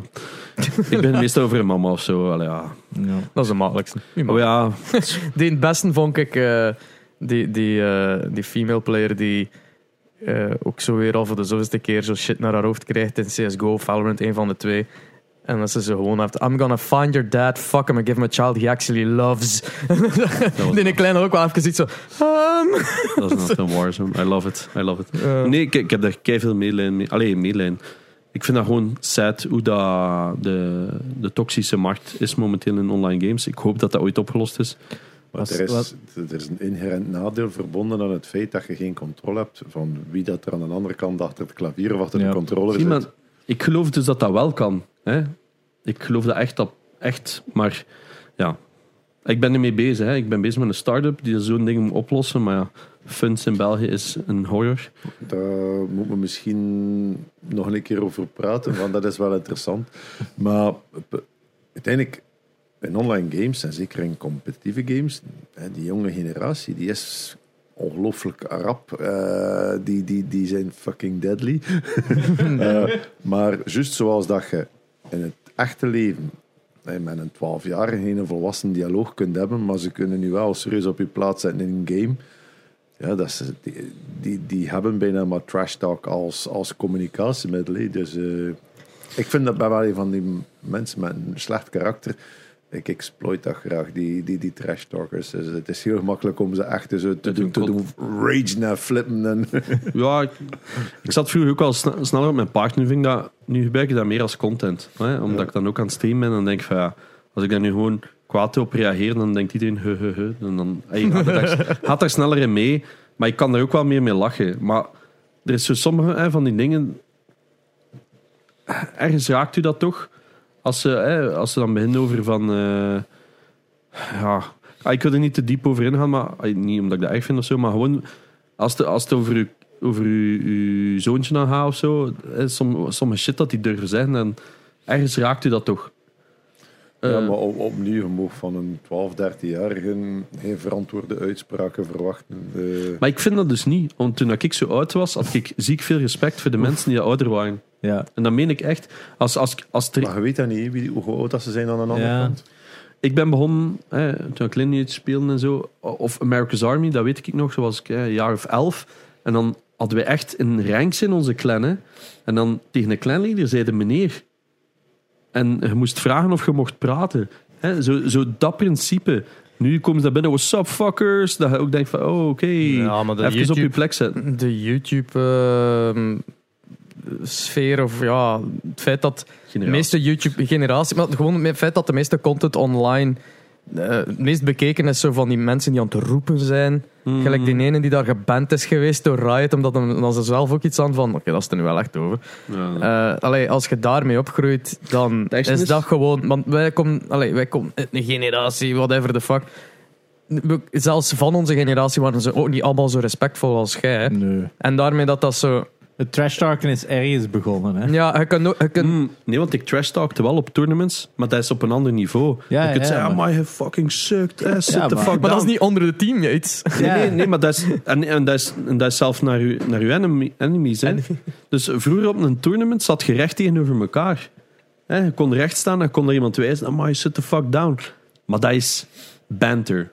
Een groot verschil, hè. Ja. En, en nu is dat echt van, oh, ik hoop dat je moeder sterft aan, aan aids. En dat is ze van, wow, daar is een groot, hey, er is een groot verschil tussen. Zo, zo van, wow, hey, we gaan misschien net wat... hey, de, de boundaries worden zo precies altijd wat, ver- wat verlegd. Ah, ik denk dat Mis dat- wel die sfeertjes van die landparties. Dus, eh, ja.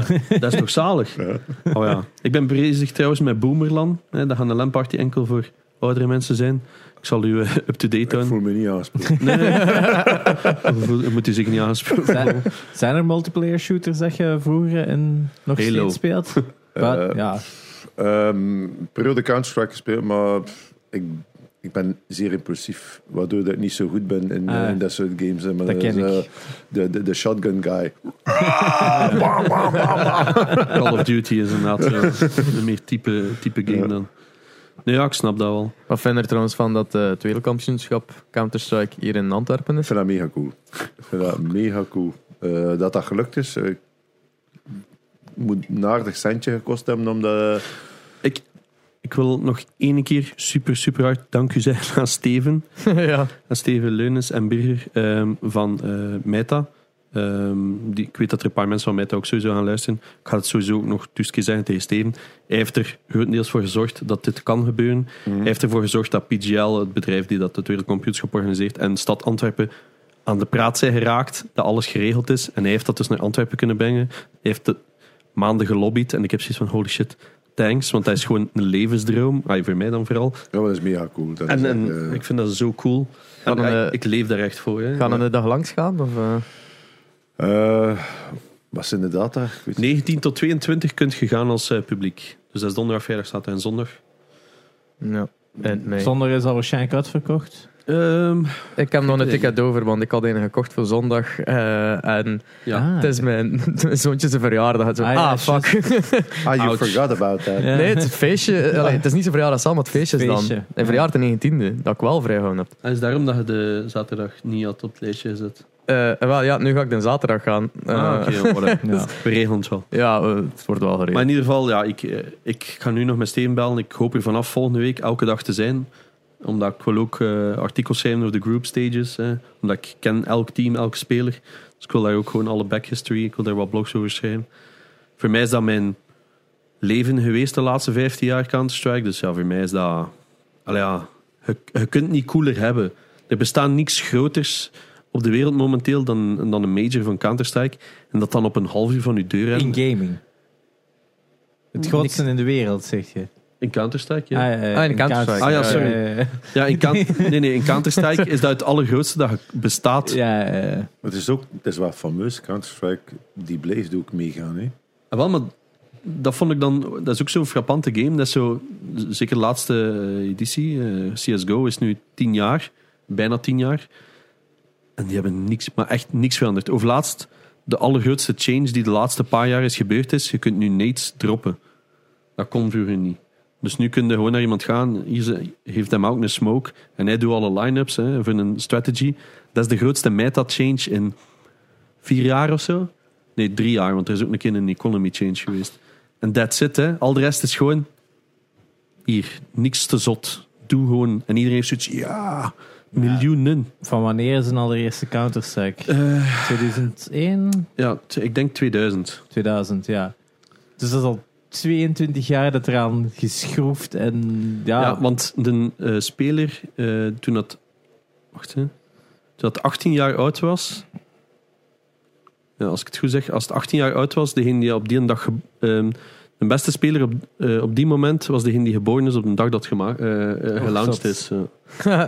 Dus, eh, ai, wel dat is waanzin, hè. Ja, Zaiwu is dat. Maar dat is dan... De, de eerste versie was dan de dat Ja. Gooseman gemaakt had. daar. Yes, Ja, ja. zeer cool.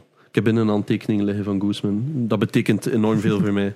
eh Counter-Strike. Dus ja, voor mij is dat mijn leven de komende week. Ah, je doet zelf niet mee. Goh, maar dat, ik krijg die vraag vaak, hè, maar ja, één, dat is een absurdist. Allee, dat is zo'n absurde wereld. Vergeet niet dat veel van die mensen zijn 300 van de 365 dagen per jaar weg van huis. Die hebben geen leven. Die, eh, ik bedoel, die leven on the road. Eén, dat, dat is heel belangrijk voor mij, maar ik denk niet dat ik dat nu zou kunnen in de stage van mijn leven. Omdat ik wel al heb gedacht om te gaan coachen voor zo'n grote teams. Maar eh, ik, kan, ik zou dat cool vinden, maar ik wil mijn zoontje dat niet aandoen. Ik heb ook mijn honden, hè, ik heb ook mijn bedrijven. Ik zou, dat, ik zou veel kunnen opgeven, maar niet dat gezinsstuk. Ja, Hij moest dat nu zo een paar keer een week zijn. Dat is hè, maar dat is echt alle dagen in hotels gaan pitten ergens in the middle of Je nowhere. kunt dat ook maar zoveel jaar volhouden, zeker. Er zijn, ay, maar tot aan nu 30. Ja. Want er, het coole is, ehm, de- het team dat, allee, een van de twee teams dat het meeste kans heeft om nu te winnen, heeft een van de oudste spelers, 34 jaar nu. Ehm, Zot. of ja, op zich is dat crazy. Dat is hè? niet meer verantwoord. Dat is zeker niet de beste speler, maar Dat is die. echt zo extra kussens overal voor comfortabel te kunnen zitten. eh, ja. Zalig. Ja, nee, want eh, een andere speler dat ook eh, bijna door was, wat een van de beste spelers is van de laatste 20 jaar, heeft ook al zo twee kindjes en zo. Ja. Hey, dat, dat begint wel allemaal te tellen. Maar die verdienen zo grote sommen geld. Die rekken dat zo lang mogelijk. Hè. We spreken nu tussen de 20 en 45.000 per maand. Daar wilde al een keer een spelletje Counter-Strike voor spelen. Maar het is belangrijk, en voor dat soort zaken is het belangrijk dat dat in België en in Antwerpen doorgaat. Van uiteindelijk, wij zitten nog altijd met een ongelooflijk, ik ga voorzichtig zijn in mijn uitdrukking, een ongelooflijk conservatieve mindset in Vlaanderen. Mm. Eh, het medium games Ja. begint bijna als een aanvaardbare hobby. eh, Nog altijd niet. ja. Bij- bijna, bijna zijn we al tien jaar bijna. Maar ja. e-sports, wat dat wereldwijd aan, het- aan het skyrocketen is, ehm, blijft bij ons gewoon... We zijn aan het surplassen van het vaderland weg. Als je vraagt aan de gemiddelde Vlaming, wat is e-sports, is het altijd, ah ja, er is zo'n klein van 16 die op Fortnite een keer 3 miljoen heeft gewonnen. That's it. Die kennen voor de rest niks ervan. En, ah, wij kennen, er is toch iemand in Vlaanderen die zo heel bekend is in e-sports? Eh, dus eh Shocks, eh Evie Ja. de Poorter. Ja, die is al een keer op nieuws geweest.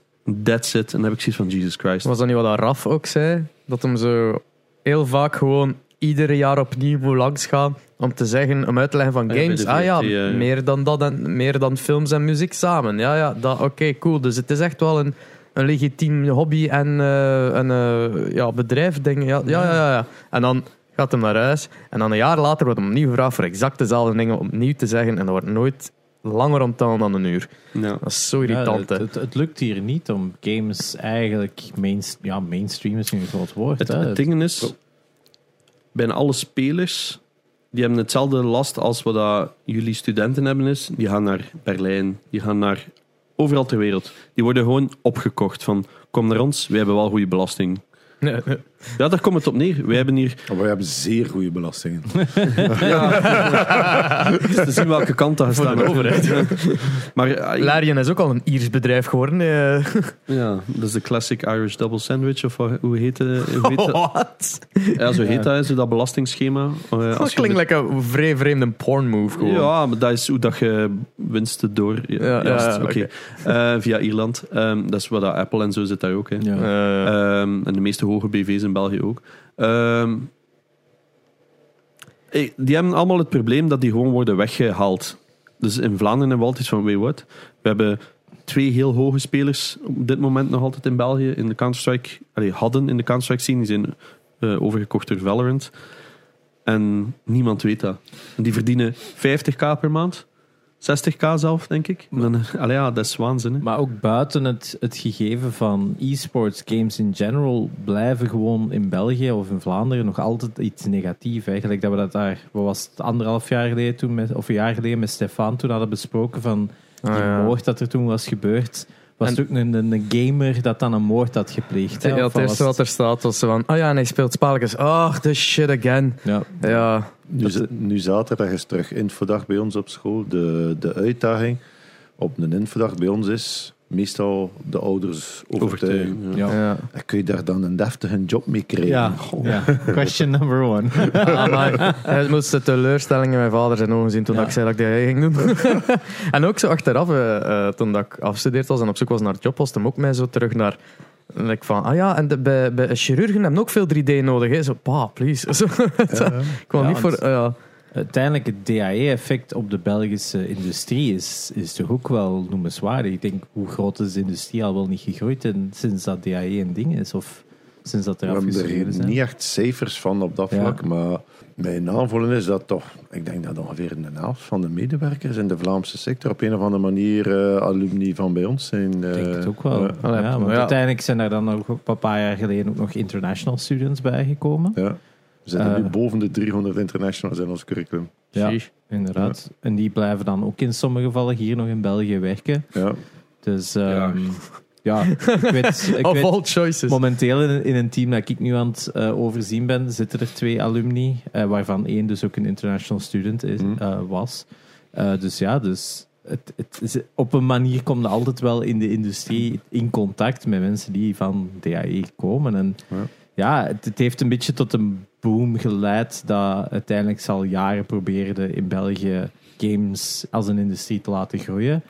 Maar inderdaad, het talent of de, de know-how was er eigenlijk even goed niet. Het waren altijd hobbyisten die uitgegroeid zijn tot iets meer. Hè. Pak een Larian, pak een... ehm, wat je toen nog, hè, een Grin natuurlijk. En eh, Sakari en... eh, wat was de... In Gent hadden dan Neopica. nog... Neopica, inderdaad. Eigenlijk allemaal wat uit zijn voegen gegroeid eigenlijk allemaal als gamesindustrie, als gamesbedrijven. En nu is het eigenlijk heel veel studios opgericht door alumni. Hè? Ja, maar tezelfde tijd, eh, het is echt serieus gegroeid. Maar het probleem is dat we trager groeien dan het buitenland. Ja. Dus als je de globale groei van de sector bekijkt, wij groeien, maar niet zo snel als wat er internationaal gebeurt. En wat, wat internationaal aan het groeien is, is we.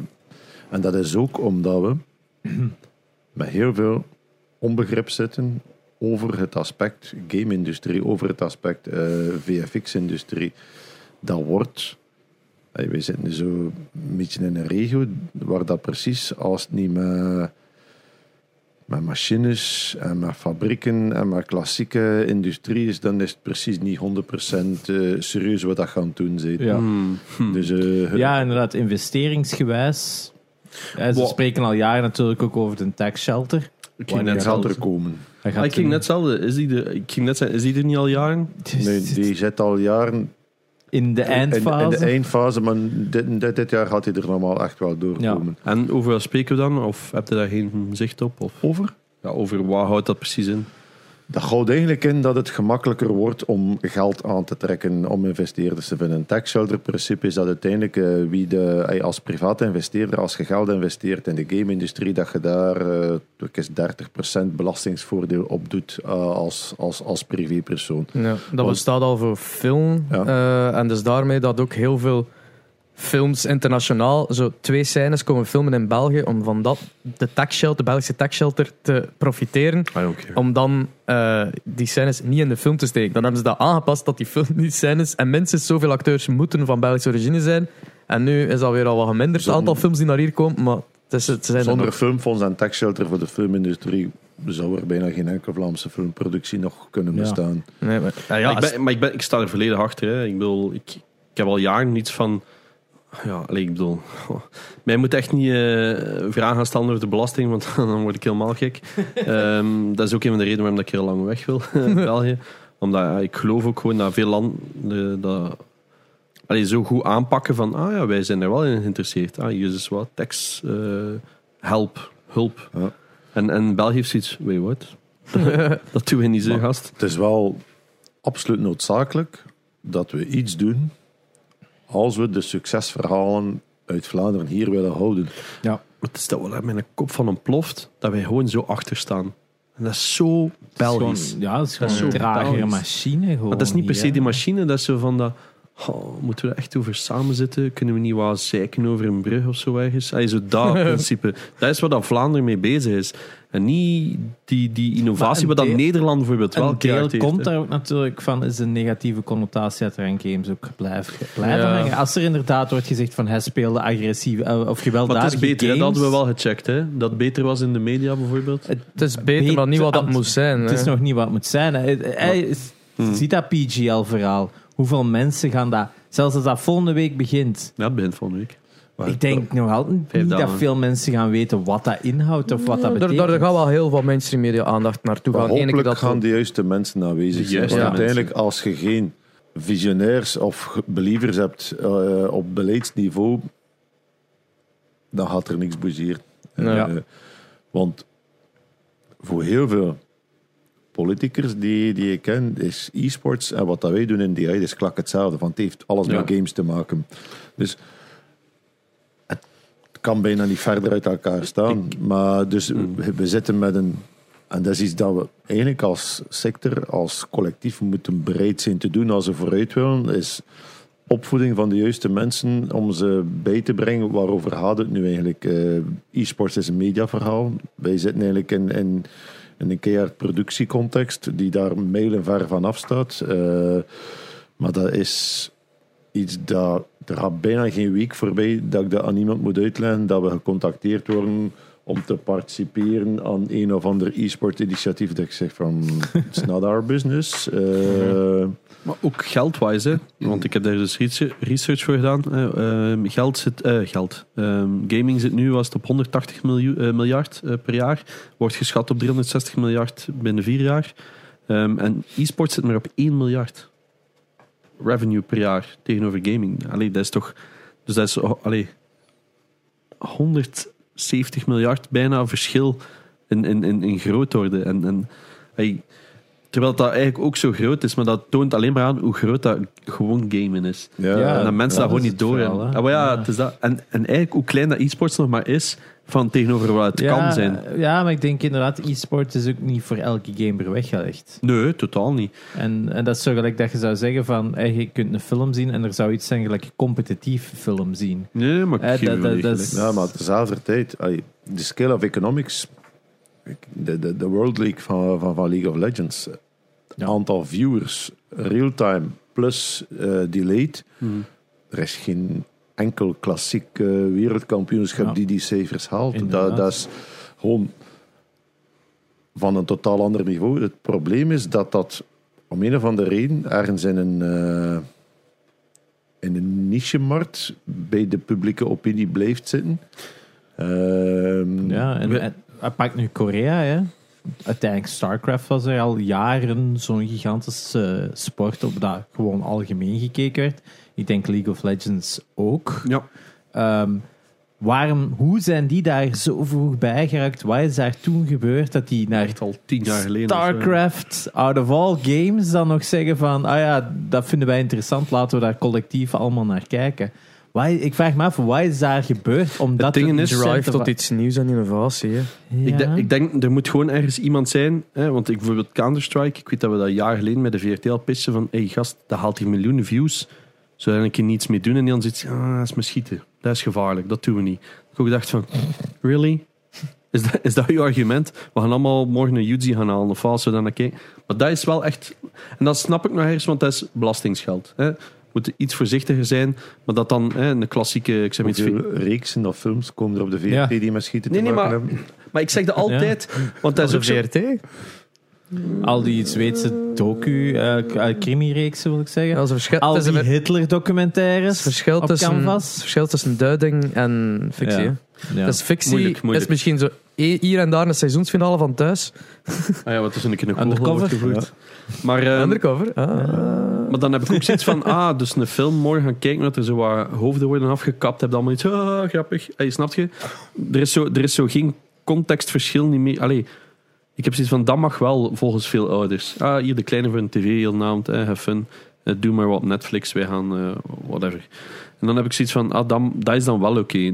Dat is zo'n rare perceptie. En, en er Ja, moet gewoon ergens een, een, een mediabedrijf zijn, zoals de, ehm, DPG. DPG Media. Ik zou eigenlijk gewoon wat mensen daar moeten contacteren. Ik heb de jaren eh, consultant geweest. Die gewoon zeggen, maar weet je wat?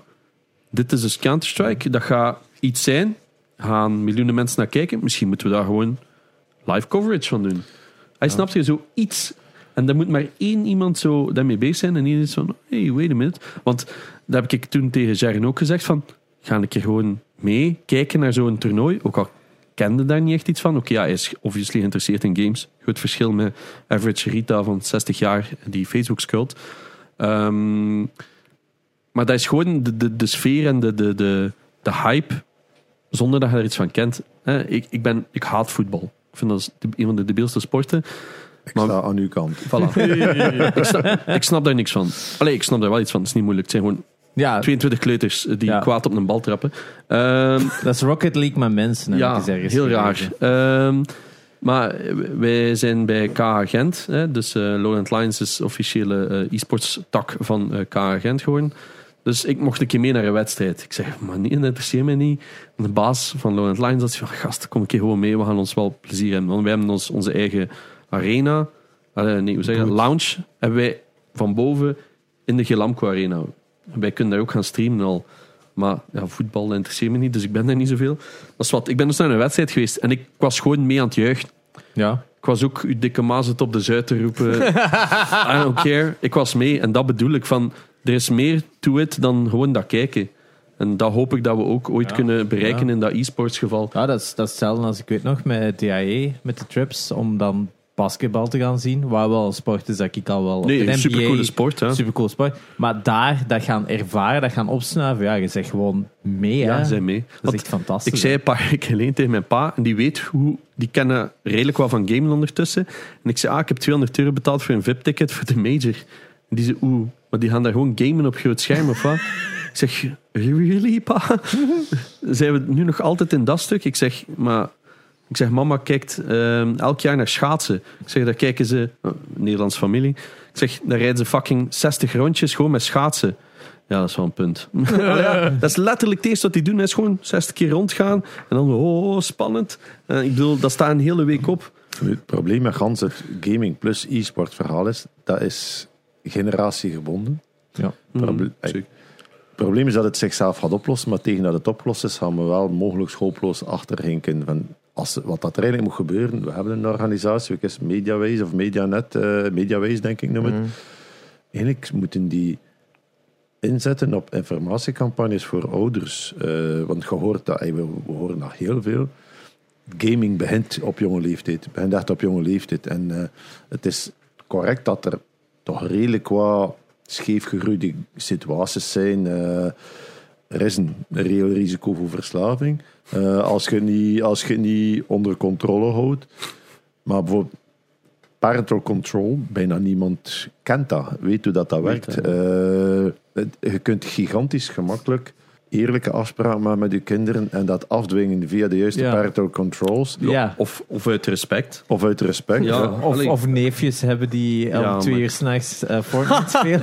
Mijn, Oh, dat vooral moeten ze. Ja. Nee, maar ik wil, ik, ik wil maar zeggen van... Allee, des, mijn perceptie, als de publieke opinie niet altijd positief is ten opzichte van games, is ze van, ja, ze doen niks anders en ze doen alleen maar dit en ze Ja. zijn niet meer sociaal. Maar mijn generatie heeft een andere definitie van sociaal dan de, de, de jongere generatie, et cetera. Dan zit er ook een opvoedingsplicht naar de ouders. Zit er eigenlijk ook, volgens mij, een hiaat in het onderwijs. Eh, hoe belangrijk dat het medium is, dat, is een dat heeft een structurele maatschappelijke rol. Eh, we leren de dag van vandaag, volgens mij, veel te weinig over dit soort zaken aan, aan, aan onze kinderen. Eh, het, het is ook significant. De laat, dat is een tijdje geleden dat ik nog gekeken heb, maar vroeger was de, het, average gamer profile was duidelijk male rond de 18 jaar, denk ik, als ik me niet vergis. Nu is het 5, 36 jaar. Female eerder. 35 ja, ja, het is, female. het is Ja. meer female. Ja, ja, inderdaad. Eh, dat komt door de mobile games vooral. Ja. Maar it's a grown-up business, letterlijk en figuurlijk. Maar op, is een beetje vergelijkbaar met de situatie toen dat wij met DAE starten. Dus op dat moment was het precies alsof dat alles van grafische en kunstopleiding gezegd hebben. 2D is genoeg, we doen niet meer aan 3D, dat, dat, dat is te fancy.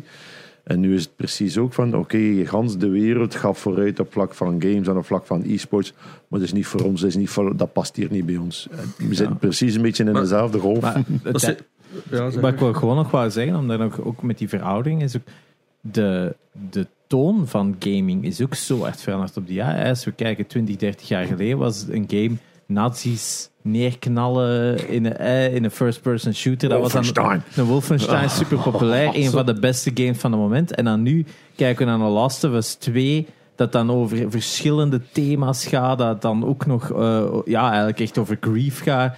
Grief, verwerking in de, in de natuurlijk in de LGBTQ. LGBTQ dan ook nog. Plus, eh, echt de thema's van games zijn ook zo volwassen geworden op die, die spannen ook, dat het uiteindelijk ook een medium is dat ook eigenlijk Kijk volwassen is zijn geworden. aflevering. Ja, Ja, over, over hoe dat games kunnen gebruikt worden in, in, in heel, zoals dingen zoals opvoeding. Ja. Ik bedoel, super belangrijk. En, en dat is wat mij ook echt stoort, is dat. Snapte? De wereld is een beetje. ah, Of die generaties die zijn zo de krant aan het lezen. En ondertussen is de wereld zo allemaal aan het ontploffen en helemaal aan het veranderen. Dus, ja, misschien nu iets te realistisch, dit verhaal. Maar, en dan doen die zo na twintig jaar de krant toe en hebben ze iets van: oh shit, alles is veranderd. En die zijn niet meer mee. En dat is wat er nu net is gebeurd met de oudere generatie. Die had iets van: ja, maar wat is er mis met Pac-Man? Zo, hè, dat principe. Ja, het, is, het is ook heel moeilijk om te ver- ver- verwachten dat iedereen op zo'n korte tijd educated is van iets dat eigenlijk al twintig jaar gaande is.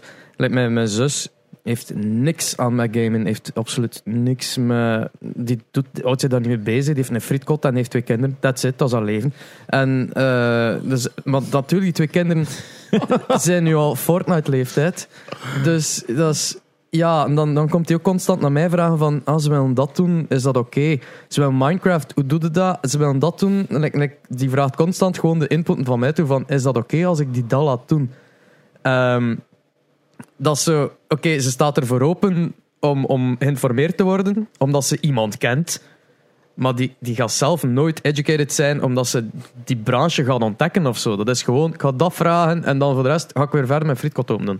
Allee, ja, dat is zo... Snap ik wel, hè. Het is ook zo, het is een markt die zo snel groeit en, en verandert dat als je daar niet een insider bent, snap je er geen, echt geen hol van. Nee, dat is dat. Mijn ouders ook niet, hè. die weten gewoon dat ik vroeger aan het roepen was op mensen online en dat is nog altijd. Wat er ondertussen is veranderd, hebben geen idee. Oh, ik heb nu ik, ik heb zo, eh, het artikel in HLN over eh, van het weekend. We hebben een charity stream gedaan voor 24 uur. We hebben 60.000 euro verzameld voor Kom op tegen kanker. Een ongelofelijke prestatie van iedereen die daar eh, gedoneerd en geholpen heeft. Ehm, maar ik heb daar zo 24 uur gezeten en op het laatste twee uur kwam er dan een slotshow waarvan, waar dat Aaron Blommaert, een acteur, eh slash presentator, zo even zo Oh nee. interviews deed en dergelijke. En dus in het laatste nieuws staat er daar zo van... eh, ja, ze, gamers hebben dit gedaan, dit en dat. Eh, en, en- dat werd duidelijk in een slotshow gepresenteerd door Aren Blommaert. En dan zo een paar, paar alinea's verder. Gamer Espe heeft dit... en dat is van... Ah, ben ik... Ik voelde mij al zo like, like, gedemoveerd naar gamer. Terwijl ik zo... Oké, ik ben een gamer. Want ik heb daar wel like, meer dan enkel dag gedaan. En er staat zo Het, één eigenlijk kleine... 24 23 uur van die show heb jij gehost. Ja. En uiteindelijk de laatste twee uur niet. Maar waren Maar er wel een ik- onderdeel. Ja, ik hè? zat daar nog altijd bij in een zetel. Dat, uiteindelijk was 25 uur omdat Maar het dus die twee was. uur van iemand anders, Dat bij was- definitie... oef. Dat was wel pijnlijk. Ja, Aaron heeft dat keihard goed gedaan, hè, daar niet van. Maar dat is zo, niet om, hè? ik sta daar dan zoals gamer Espe heeft, eh, heeft de 24 uur gedaan. En dan de rest gaat weer dan over iets anders. Van, ja, kom maar. Het is zo is ongeïnformeerd, heel dat artikel, dat ik zo weer iets heb van... Oh, come on. Je moet echt gewoon zo'n mails, mail sturen naar DPG van hey, zoekt iemand als je een keer vragen hebt over games, bel ons gewoon een keer, hoe moeilijk is het? Dat heb ik altijd, omdat hè, William is wel zo iemand geweest die zo af en toe als ze zoiets hebben van shit, het gaat over games, waar ik naar de William bellen. Ja. Zo dat is het vooral, zo van, die, die weten gewoon niet anders, die weten niet wie de fuck moeten wij bellen. Dat stel ik bij streamen, ik bedoel, ik krijg vaak aanvragen, hey, Abu, jij, soms. Eh, het is zo een beetje van, zij kijken gewoon naar Twitter van, oké, ja, wie heeft er iets, Heeft er iets van following, Ja. heeft daar iets mee te maken. klik, een mailje. En Ja. als ze al zoveel moeite doen en niet gewoon ergens iets copy-pasten van een Nederlandse krant die dat wel onderzoek doet. Ja. Ehm, Maar zeggen nu streaming, mm. dat is ook nog zo, zoiets. allee, door DAE zit ik nu mee in dit verhaal, maar ik ken weinigen in, in mijn leeftijdscategorie die mee zijn met wat dat er aan het gebeuren is met streaming. Hoe Ja. groot dat, dat is. Die, waarom koopt Amazon eh, een bedrijf? They like money. Ja, maar het is omdat er daar geld zit. Ja. Het is omdat, Wat- dat, omdat dat groot is, omdat dat, Sowieso. Hey, ehm, het streamable zijn van een game wordt een fundamenteel criteria in de, de nieuwe generatie game development. eh, de- de- de- Speedrunning.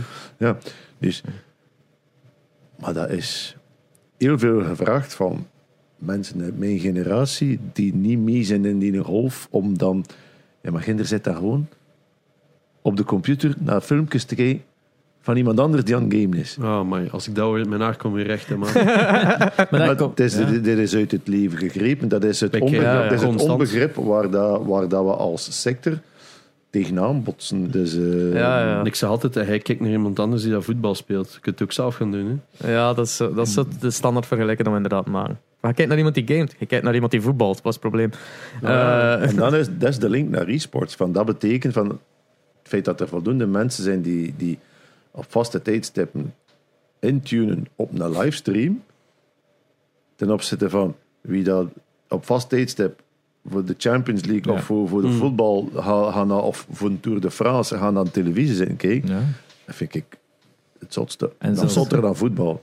Koers. koers. de koers. Ah, Maar dat- altijd, Nee, volledig gelijk. en je kijkt altijd naar hetzelfde beeld op je televisie. Ik heb, Oh, En, het is uiteindelijk drie of vier uur dat dat duurt. En het is eigenlijk enkel de laatste vijf minuten dat interessant Ik heb is. gezegd- Of, of als er een valt. Of als er een Ja, valt. ja, ik heb gezegd tegen mijn Omi vriendin... en opie. Met Mijn, dat mijn, mijn, eh, onze zoon mag alles doen. Hij mag zelf voetballen van mij. Ah, fuck, geen koers. ik zweer het aan ontdekt. Dat zit in mijn familie dus. Hè. Echt, ik Mijn, die mijn gewoon. pa was de eerste, de eerste generatie die begon met voetbal. En daarvoor waren het allemaal coureurs. Oh, eh. Nee, maar het ding is dat streamen is, is eigenlijk veel ingewikkelder. Je hebt het hele just chatting, je hebt het sociale aspect hè, van de live chatting erbij. Hè. Ja. De, de streamers moeten ineens goed zijn in games. Yeah, Ehm, that's me. Kijk naar niemand. Ehm, er is, een, er is zo'n breed aspect en dat snap ik dat wel moeilijk is. Dat, dat je niet zomaar kunt uitlijnen, ja, die praat er gewoon mee. En daar zit dan, hè, wat is het, ik zeg maar iets, 100 man even om het gemakkelijk uit te lijnen. Er zit 100 man naar te kijken live en ja, die praten met elkaar. Dat snap ik dat dat een, even raar is. Hè, dat is gewoon een generatieconflict. Maar, ja, maar dat is, wat is het verschil met een radioprogramma waar dat mensen inbellen? Verschil- het, het feit dat er tegen ons wel gepraat wordt. Ja, Hoe vaak dat de radio moet uitvinden van ja, de sms'jes stromen binnen. En dan zijn zo ja drie inderdaad. binnen. Maar uiteindelijk is een livestream in many ways hetzelfde als een radioprogramma. Ja. Ik probeer dat ook meestal zo te zijn. Is gewoon een live show op tv, een talkshow. En dan, Ja. als die dan switchen naar sport, is dan switchen naar gaming. En Mm. Dat is ook een beetje hoe dat we proberen aan te pakken. Hè. Het wordt ook professioneler en professioneler. Ik bedoel, je hebt nog altijd degene die gewoon brak met hè, een, een 360p camera daar ergens zitten in een hoek. En met een shitty mic van, van 6 euro. Maar bedoel, het wordt, op zich wordt het wel professioneler. Maar ik snap dat dat wel moeilijk is. En je hebt wel gelijk van, we moeten meer gaan educaten. Maar hoe pakt je zoveel informatie? Hè, want wij, wij kennen het allemaal, dus in ons hoofd is heel veel logisch. Want er is dus nog veel backup informatie dat je nodig hebt voor sommige dingen uitlijnen. Pakt je zoveel informatie en gaat naar je ouders. Kijk, dit is alles. En dat gaat je kind allemaal meemaken en of doen. Ik snap dat dat moeilijk is. En, en, en dat krijg je niet zomaar uitgelegd. Je krijgt dat op een dag uitgelegd. Mediawijs doet dat heel vaak, hè, met zo'n apenstaartjaren en dergelijke dan ze organiseren. Dat dan zijn we recht naar... Mijn excuses. Ik heb daar nog over te praten, over praten, over wat dat YouTubers en ze moeten uitleggen wat PewDiePie niks verkeerd had gedaan, vergeleken toen dat die controverse was dat Ah, hij een ja, ja. neonazi was en zo. Mhm. En echt, ze moeten gaan uitleggen in een afstartjaar. Dat is zo jaarlijks, denk ik, dat ze wel een evenement deden. Nu, de afgelopen jaar natuurlijk was een beetje Mm, het water minder. gevallen, maar eh, dat is gericht naar leerkrachten en ouders. De meeste daarvan zijn opvoeders en leerkrachten die daar komen kijken. Maar een aantal vragen die naar mij toegestuurd werden, dan achteraf ook zo van, nou ja, en, en dat spelletje is dat oké? En, en, en dat? mijn, mijn, mijn, eh, mijn kinderen in de klas kijken vaak naar die YouTuber.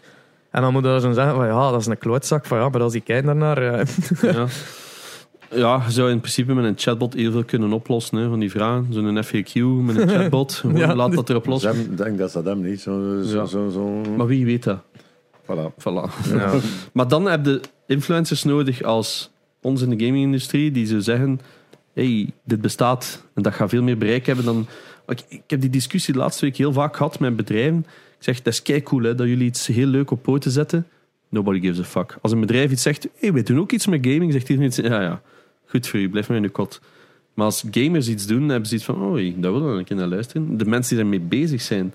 En, en, en dat zijn van die, van die fouten die nog in de traditionele media vaak wordt gemaakt, maar dat is een heel andere discussie. Ik heb eh, nog een vraag voor u. Ehm, zoveel jaar geleden, eh, we nu 2006, start jij heel eh DAE op.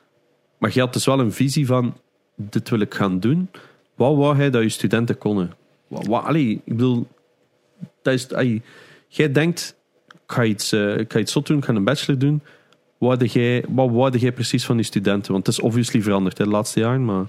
Eigenlijk zijn we nog altijd behoorlijk trouw aan, eh, aan het uitgangspunt. Eh, het, doel in het begin was simpel, naïef. We willen gewoon de best mogelijke mensen voor de sector op de markt zetten. Wat, wat dat, dat ook mogen zijn. Maar wat is de sector? Games. We zijn gestart met, met, met, met, met een focus op, op, op toen was het eigenlijk exclusief AAA. Echt grote gamebedrijven. eh waar zijn die naar op zoek? Eh, we hadden een op research gedaan.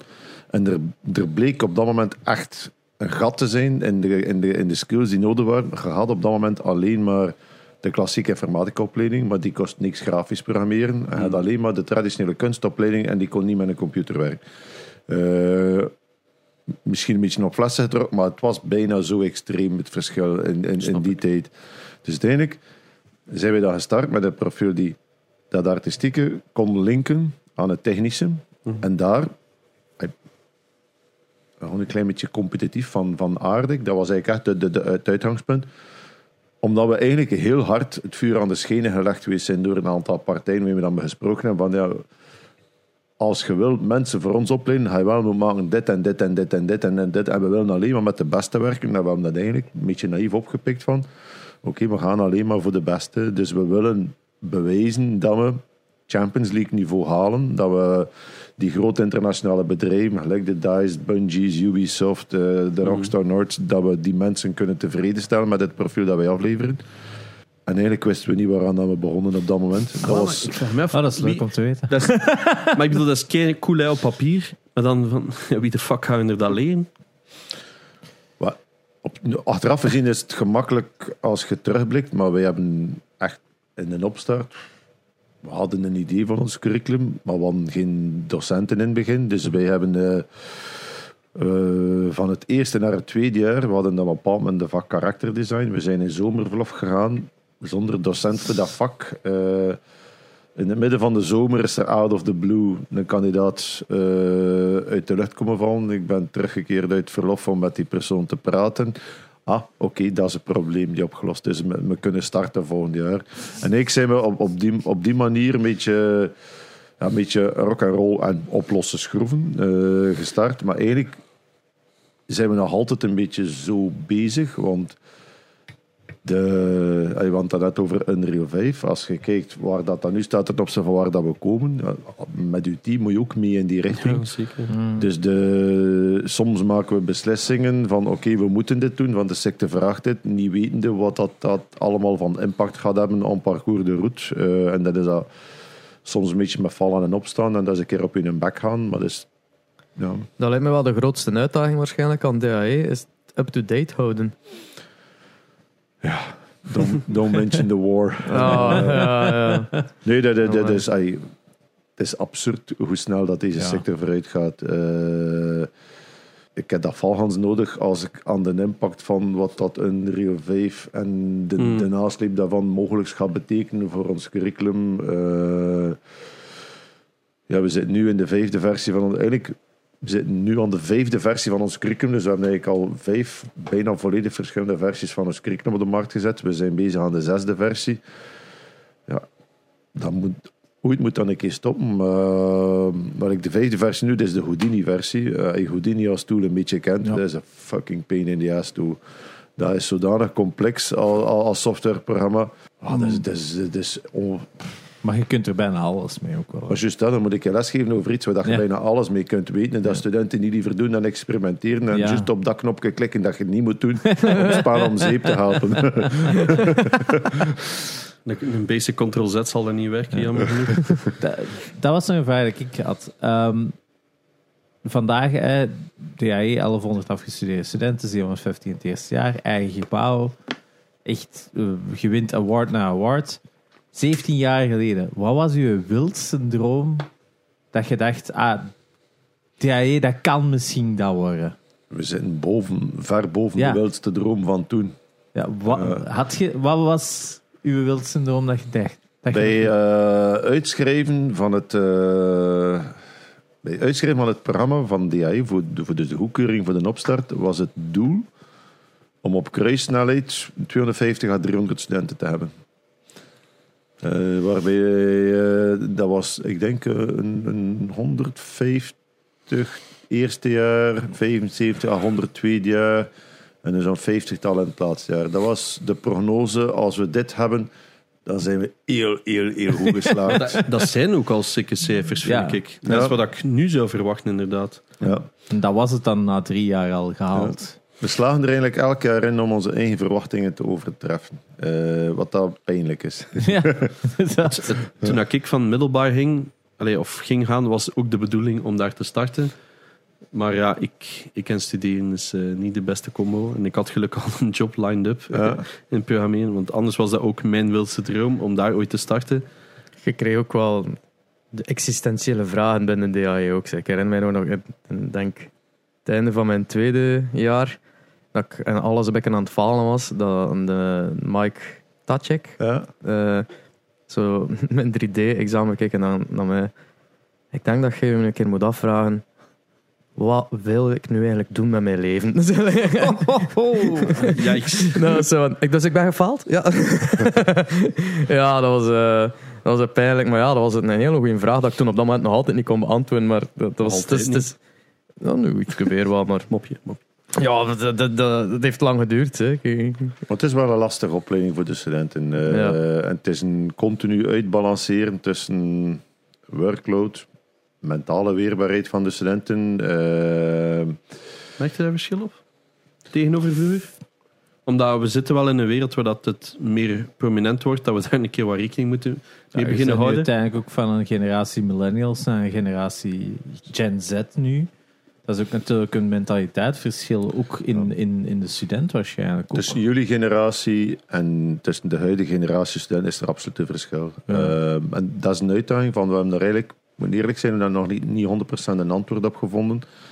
Wij zitten nog altijd met de focus en met het verwachtingspatroon van de industrie waar dat ons curriculum op gebouwd is. Maar eigenlijk, onze instroom is jaar na jaar aan het opschuiven naar een, noem het een lossere, ik denk minder gefocuste generatie. Ehm, de attention span is korter en korter. Eh, lange lesblokken beginnen moeilijker en moeilijker te worden. Eh, gewoon dingen doen, gewoon omdat ze verondersteld worden dat je ze doet en dat het gezegd is dat je moet doen, wordt ook moeilijker. Eh, Vind je dat jammer? Ik vind, ik vind dat een beetje jammer. Sorry, hè, maar... Ja. ik, vind dat, ik vind dat heel jammer, maar ik ben van nog een oudere stempel dan jij. Ja, ik, Ehm, ik- Mogen we vragen En wij leeftijd? hebben? 51. 51. omdat ik heb heel veel... ehm, omdat ik heel vroeg ben beginnen werken, ik ben op mijn 17 beginnen werken, heb ik heel vroeg al ehm, stagiairs opgeleid, vaak die ouder waren als mij. Ehm, en ik merkte dat dat ook altijd moeilijker en moeilijker werd. Dat die, zo, die, die attitudeverschil tegenover... Hè, het is een beetje Ja. hetzelfde dat ik er straks zei, ze dat respect hebben. Maar ik denk dat dat al bij ons ook al een dat, dat, dat is ook de evolutie van het onderwijssysteem de laatste 50 jaar, denk ik ook keihard wat er hoe hard dat, dat verandert, gewoon omdat de mentaliteit en de, de generatie op generatie gewoon keihard verschilt. Hè. Ja, maar het is, moeilijk, het is, moeilijke pro- het is een moeilijk probleem hoor. Want ik zei, de, Ja. de verwachtingen van de sector veranderen niet. nee, Eh, Ja. Dus eh, zelfs, allee, corona heeft een impact gehad. Ja. Eh, op, op, op, de, op de studenten, op onze teams. ook eh, even op de, op de sector. Ook. Ja, maar niet op het verwachtingspatroon van de sector. De Ja. sector worstelt vooral met thuiswerken versus on- on- on-site werken. Maar eigenlijk na niveauverwachting, na, na, na, na niveau van skills dat je moet hebben, is er niks veranderd. Nee, dat is waar. Maar, als wij eerlijk zijn, en iedereen, die tegen, iedereen uit het onderwijs die het tegendeel beweest, is, eh, be- beweert is uit zijn nek aan het lullen. Eh, ons onderwijssysteem heeft een deuk gekregen door corona. Dus de output Ja. in kwaliteit heeft, hij, eh, hebben een stap achteruit gezet. Ehm, we zijn, hij, hij zeer skills, gebaseerd skills gefocust is die feedback, die continue feedback, essentieel om tot dat niveau te geraken. Als Ja. Je het contact, niet genoeg contact hebt om die feedback te geven, en sommige zaken kun je niet online doen, Voilà, eh, dus dan, dan, dan, dan verliezen we wat niveau. Eh, maar ook, ja, we hebben een generatie studenten nu die iets meer socially awkward is, eh, die minder getraind is in wat dat uw sociaal-professioneel gedragen is. Eh, Door corona? Of? ze hebben drie- Ja. zijn bijna drie jaar in, in, in, in afstandsonderwijs gezeten. Dus eh, je voelt dat gewoon, het is anders. Eh, ja, want dat, dat is op vijfde en zesde middelbaar. Ja, daarmee, die hebben dat in corona meegemaakt. niet, in person hebben gedaan. Ja. Dat is, Plus het internetcontact waarschijnlijk ook meer eh, pakweg in Twitch terechtgekomen of, of Discord groups of dit of dat. ja, Veel ook, meer ook waar dat er soms ook minder, waar dat er minder sociale controle is. Dus als je iets misdoet zo in die online gegeven, Ja. kun je Maar- er van onderuit geraken. Stel je voor, je 17, 18 jaar in complete solitude. Ja, dat, Nee, dat, nee, ik heb dat daar is- ziek respect voor. Allee, respect. ik denk dat je het inderdaad ook wel... Dat is een heel onzekere tijd. Als puber al is dat al heel lastig. Om dan nog al isolated Ja. te zitten ook. Ik denk inderdaad socially awkward. Maar- ja, je verleert dat dan ook niet echt, hè? onderzoeken uit allee, wa- het secundair onderwijs tonen aan, allee, en denk dat is een, een evidentie, denk ik, maar wie dat goed is, gaat goed blijven, Ja. en wie dat slecht is, gaat slecht blijven. Maar de groep studenten die nood heeft aan begeleiding en aan het contact en die, die daarvan afhankelijk is om, om te kunnen groeien, daar eh, zijn de grote klappen gevallen. En voor bepaalde vakken eh, hebben wij gezien dat waar dan normaal puntenverdeling voor bepaalde vakken een Gauss-curve is, dat we plots een, een belcurve hadden. Dat eigenlijk die curve geïnverteerd Amai. geweest is, wat eigenlijk dat middenveld er bijna uitgevallen is. Eh, dus de goeie zijn in sommige vakken bijna beter geworden, omdat wie dat goed is, wie dat die zelfdiscipline heeft en die kan focussen en die, ja, die niet afgeleid is door, Ja. door sociaal contact en zich kan focussen, die hebben op bepaalde niveaus beter gescoord dan normaal. Eh, ik zeg, voor de slechte maakt het geen verschil uit. Maar in het middenveld hebben we echt wel... Dat, dat, dat, is, in er, dat is in klappen gebeurd. Eh, Ja, want dat is ook een karaktereigenschap dat niet iedereen heeft, is thuiswerken. Niet iedereen kan dat ook bijvoorbeeld. Dus ik kan vatten als student dat je dat dan ook hebt. Is, sommige mensen kunnen perfect zeggen, ah, je geeft hier de opdracht, die doen dat. Die kunnen volledig alleen Ja. te werk gaan. En andere mensen die kunnen het misschien wel, maar hebben, moe- hebben hulp nodig. Maar Sociale ook- controle. ja, sociaal Ja. controle, maar ook eigenlijk dat die soms met vragen zitten, maar niet durven vragen omdat ze andere mensen niet willen storen of dit of dat. Dat zit er dan ook Maar weer bij. Een superbelangrijk onderdeel van, van de manier waarop wij werken is eigenlijk het community verhaal. En eigenlijk het peer learning. Leren van elkaar, feedback Ja. geven op elkaars werk. Eh, helpen met iemand anders waar dat skills beter zijn. En dan omgekeerd hulp krijgen waar dat je hulp kunt gebruiken of nodig hebt. Maar dat is volledig weggevallen ook. Dus eh, wie dat niet in staat is of was om het op zijn eentje te doen, heeft het heel veel moeilijker gekregen. Ja. Ehm, En maar het is niet gedaan hè, van uiteindelijk Nee. de generatie dat Die we nu meepakken, zijn hè. degenen die, die, die twee, drie jaar in het middelbaar eh, afstandsonderwijs Ja, dus gehad hebben. sowieso nog vier jaar meemaken. Hè? En ehm, wie, wie allee, onderhoudt dat of wie checkt dat van, van hogere takken uit? Of uw curriculum goed genoeg is? Wordt dat gecheckt? Er bestaan daar systemen voor, maar wij hanteren alleen maar de feedback van de bedrijven als parameter. Eh, Maar dat is goed genoeg voor de overheid om u. Want ik beeld me nu in, hè, omdat je nu zegt van ja, het is anders de laatste twee jaar.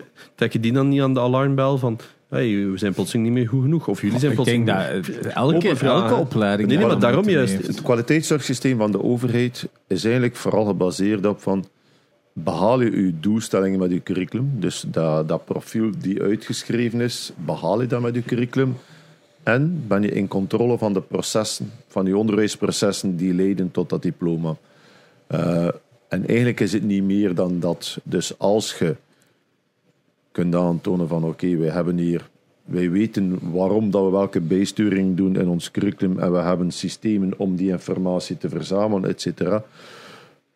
Maar- in, in, in essentie kun je dat gaan reduceren tot is mijn curriculum goed gestructureerd, eh, gestructureerd zijn de bedrijven tevreden, is er voldoende instroom en zijn de studenten tevreden. Eh, en, en zijn je on control van die processen. Eh, mee, ik- het misschien een beetje bagatelliseren, maar eigenlijk is het niet zoveel meer dan dat. Er wordt veel papierwerk gevraagd van het onderwijs die eigenlijk niet nodig is. Want in, die, in essentie, waarom, waarom leid je mensen op om ze aan een job te helpen in een bepaalde sector? Als je daarin slaagt en iedereen is tevreden, dan zou je eigenlijk met terugwerkende kracht automatisch alle vinkjes moeten kunnen eh, aanvinken. Ehm, Werken jullie nog altijd met de klassieke 8 uur per dag eh, les? acht uur per dag les. Of hoeveel, hoeveel zo de standaard ochtends Wij tot werken- 4 uur of 20 of het andere, wat is dat? De lesdagen zijn tussen 8 uur 30 en 6 uur, maar er zijn voor de studenten, afhankelijk van of dat je nu eerste, tweede of derde jaar zit, tussen de 20 en de 24 uur les per week. Ja. Een werkweek bij de studenten zit wel rond de 50, 55 uur Ja. per week gemiddeld. Ja, Eh, stevig. ja. Is wel stevig. Eh, ja. Maar het is, het is eigenlijk een simpel verhaal. hè.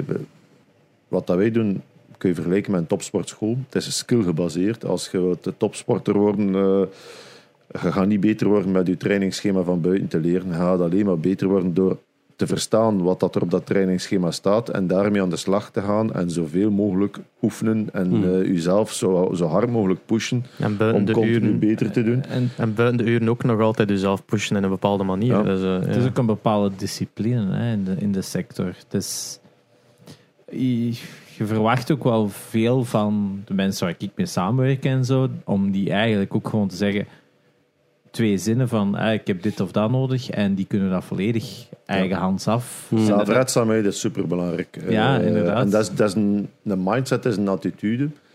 Ik denk dat als je ons profiel moet beschrijven, het is ongeveer 50, het is ongeveer 50-50. 50% zijn hard skills en de andere 50% is uw profiel, uw attitude, hoe dat je met problemen, met challenges, met uitdagingen omgaat. Als je, allee, ik weet nog, dat was in jullie jaar, denk ik, dat een paar weken voor de deadline van, van jullie project, dat er een update was van de Source Engine en dat er geen, Ja. geen enkel Och, studentenproject ja. nog werkte. Alle, alle, Inderdaad. alle, alles Ja, was kapot. Alles was kapot, ja. Ja, dat kon, was, zat er niet. Ja, het kost iedereen alleen maar zeggen, sorry gasten, maar de, we wisten dat Ja. niet. Zoek het uit. Eh, probeer het op te lossen.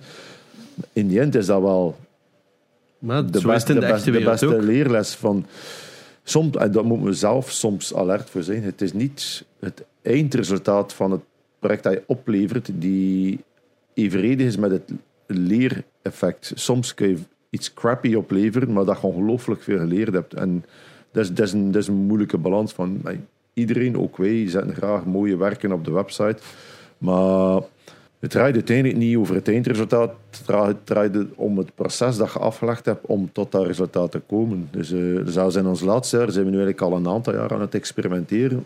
Mm, En proberen we eigenlijk geen punten mee te zetten op het eindresultaat. Alleen maar het proces te evalueren. Ehm, we nog een dus work in progress, dat is ook een vorm van een experiment. Maar het gaat eigenlijk over de evolutie dat je als individu doormaakt. Eh, wij zien veel studenten binnenkomen met talent, die al kunnen programmeren of die uit kunstonderwijs komen, die echt al mooie dingen kunnen maken.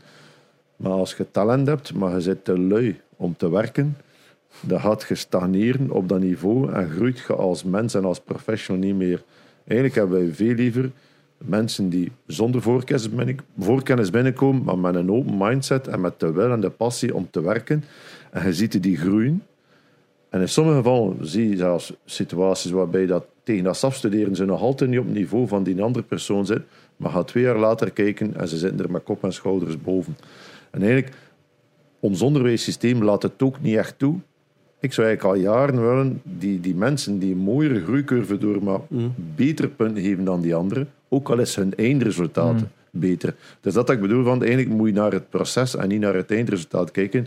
Maak je evolutie of niet? Wie dat geen evolutie maakt, ja, die, die, die gaan misschien op een deftig niveau afstuderen, maar die legt twee jaar later eh, uit een business omdat hij niet meer mee is met wat er gebeurt. Ik geef zo heel vaak het verhaal van, van Leslie Ja. eh, eh, voor om- in het verhaal van talent bestaat niet. Of, eh, of, of je geraakt er niet met talent alleen. Hmm. Omdat ja, dat wordt zo heel vaak misbruikt van als er iemand iets keihard goed kunt van ah ja, maar jij hebt talent. Hé, maar fuck off, het hoeveel uren, jaren werk dat er daarin zit om tot op dit punt te komen. Negeert dan een keer niet. Je moet dat accepteren dat, dat, dat je daarvoor moet werken. En Leslie is een jaar na ons gestart, maar zat wel al op ons forum van DAE met zo'n tekeningsjes dat men aan het maken was van een draak of zo in dat genre van ah ja, kijk, ik wil, ik wil volgend jaar DAE beginnen, is dit al goed genoeg? Een keer heeft fucking hard gewerkt. En die heeft Ja. nooit gestopt, geen avond niet getekend, niet geen 3D gedaan. Nog altijd niet. Die, werd, die Ja. heeft hem kap, heeft zot ge- gepassioneerd en gedreven.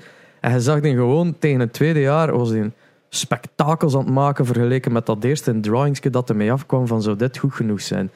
Eh, dat was ja, ongelooflijk om te zien. En die ja, heeft bij Blizzard gezeten, bij Riot gezeten en zit nu...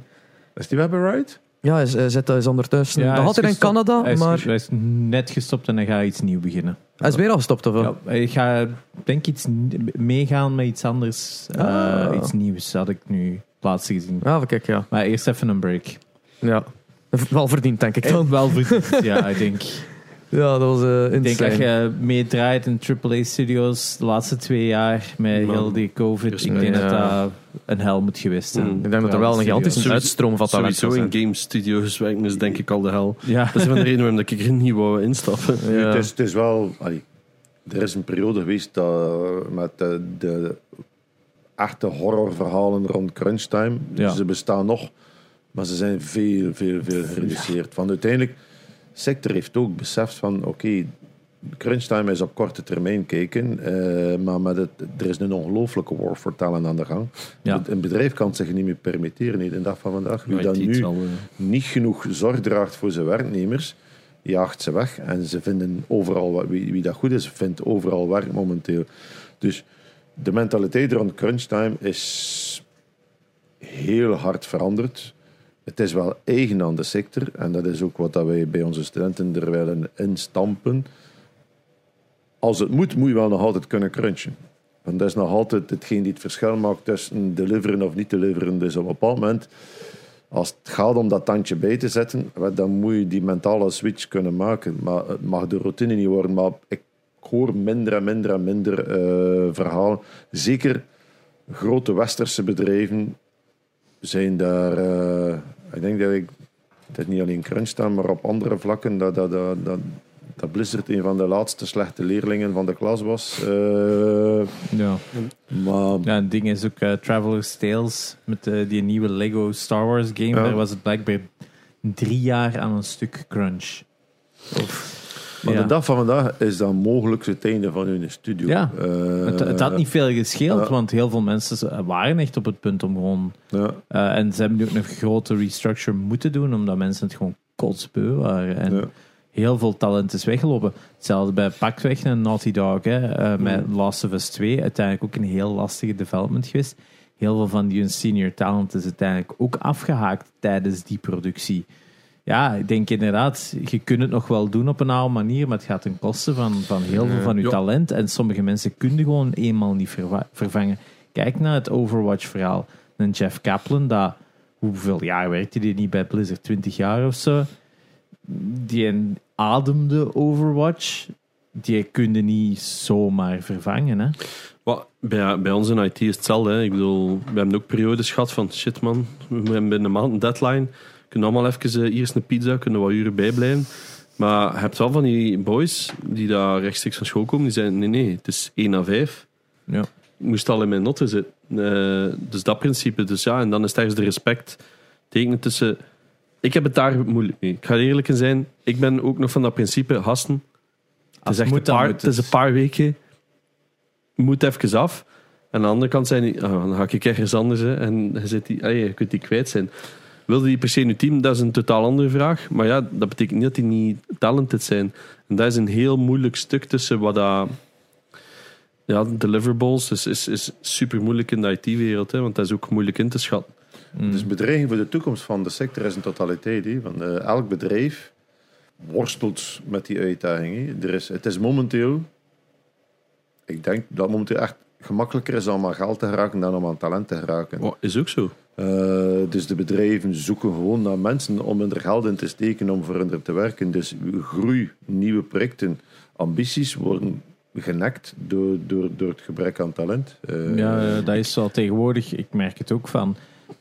Als je een goede developer vindt, kun je hem beter in dienst nemen. Ook al weet je niet wat de opdrachten gaan zijn. Je raakt hem wel kwijt. Dat is het tegenwoordig. Het is, het is gewoon moeilijker om het goede talent te vinden. En als je het vindt, moet je nimmer het risico nemen om ze te laten gaan. Ja, mijn ouders zijn ook zo van dat principe. Als ik zeg van ja, ik vind het niet meer zo wijs bij mijn klant of zo. Maar ja, hadden dan nog wel iemand anders vinden? Ik zeg ja, ik moet één een tweet posten, één keer op LinkedIn zeggen, yo, ik zoek werk. Ja, bepaalde ik- profiel blijft. 120 mails op een seconde. Hè. Ik bedoel, dat is absurd. Hè. Ik bedoel, zeker in, in, in, in wat dat wij doen, moet je gewoon op LinkedIn iets posten. Ja. Ik krijg al 120 telefoons van, van die recruiters. Please, please, I'm looking for a client in Brussels. Altijd hetzelfde. Altijd hetzelfde. Wat dat er nu zelfs in, in, in onze gamesector aan het gebeuren is, eh, grote producties gaan meestal in aanwervingsgolven. Je zit in pro- in pre-productie, je gaat volop in productie, wordt aangeworven, dan worden de teams weer afgeslankt, eh, totdat het volgende project is en de volgende cyclus zit. Mensen worden gewoon op betaald verlof gezet, Mm. totdat, het, totdat ze ze terug nodig hebben, omdat als ze ze laten gaan, krijgen Ja. ze ze niet meer terug. Oef. Dus we gaan echt naar absurde situaties die volgens mij Ja. een existentiële bedreiging kunnen vormen voor, voor, voor waar dat de sector naartoe gaat. De prijzen zijn ook gewoon niet meer... Allee, dat is absurd. Hè. En zoals dat gezegd, het geld is gemakkelijker dan talent. Maar bij ons zijn er veel die gewoon voor 1500 per dag makkelijk gaan. Hè. Exclusief. En dan denk je van, Jesus Christ, Holy crap. that's a lot of money. Ja, het zijn er die voor 2k gaan. En dan denk ik van, ja, dat is wel al veel geld. Dat willen toch ook wel... Allee, Ja, je denkt dan van, hoe breng je dat op? Hè? Eh, Nou ja, maar ik heb, ik heb ook al gedacht van misschien moet ik dat gewoon even doen, even banken. Maar ik, ja, ik heb geen zin om terug bij een bank of zo te gaan werken. Mm, Dus, ja. ja. ik, ik Maar ben het- over die fase. Het gaat richting absurde proporties, waarbij dat uiteindelijk mijn docenten beginnen links en rechts benaderd te worden met, met aan, aanbiedingen. En het is niet zo moeilijk om te concurreren met onderwijs. nee. Maar is de, voor mij is dat de meest egoïstische, kortzichtige manier van handelen van, van, van, vanuit de sector. Dat lost je misschien Ja. op superkorte termijn één probleem op. Van, u, van uzelf. Maar je, je vergroot het probleem de komende jaren Ja, ja, ja. enorm. Van, hey, het- alle, alle statistieken wijzen uit, tekort gaat alleen maar groeien. Dus in plaats van lesgevers te benaderen om te gaan werken, zouden ze moeten geld pompen om gezamenlijk meer mensen opgeleid te krijgen. Zou juist het omgekeerde moeten doen. Maar ja, het is een... Het zijn de noden die soms op dat moment dat dan dicteren, maar je hebt inderdaad Maar volledig het, zijn die, het probleem zijn die headhunters die, die, op, Ja. bo- die op bonus werken en die waar dat Commissie. hun business is niet die van het bedrijf waarvoor dat ze mensen zoeken. Dus als ze ze in de commissie binnenhalen, maar dat is... Dat is eh, Ja, eh, Same. ik ken het maar al te goed. Oké, vrolijk, vrolijkere vraag misschien. ik zou zeggen, eh, favoriete game aller tijden, maar is denk ik niet zo moeilijk. Dat is Halo nog altijd. Ja? Ja. Which one? Ah, Reach. Reach? Ja. Ja. Omdat de, de, de storyline van Reach vind ik geniaal. Eh, Is dat zo die prequel? Nee, of is dat... Reach is eigenlijk inderdaad, de, de, die zit niet in de 1, 2, 3, 4, 5, 6 eh reeks, die, zit die staat er eigenlijk naast. Maar dat is eigenlijk het, eh, het verhaal van net voor Master Chief, net voor Halo 1. Eh, maar die, ik vind die geniaal qua, qua verhaal. Ik heb niet gespeeld, maar omdat ik... eh, ik heb zo enkel de eerste dat ik de storyline van herinner. Ik heb de twee ooit wel een keer gespeeld, maar ik weet niet meer wat dat er gebeurde.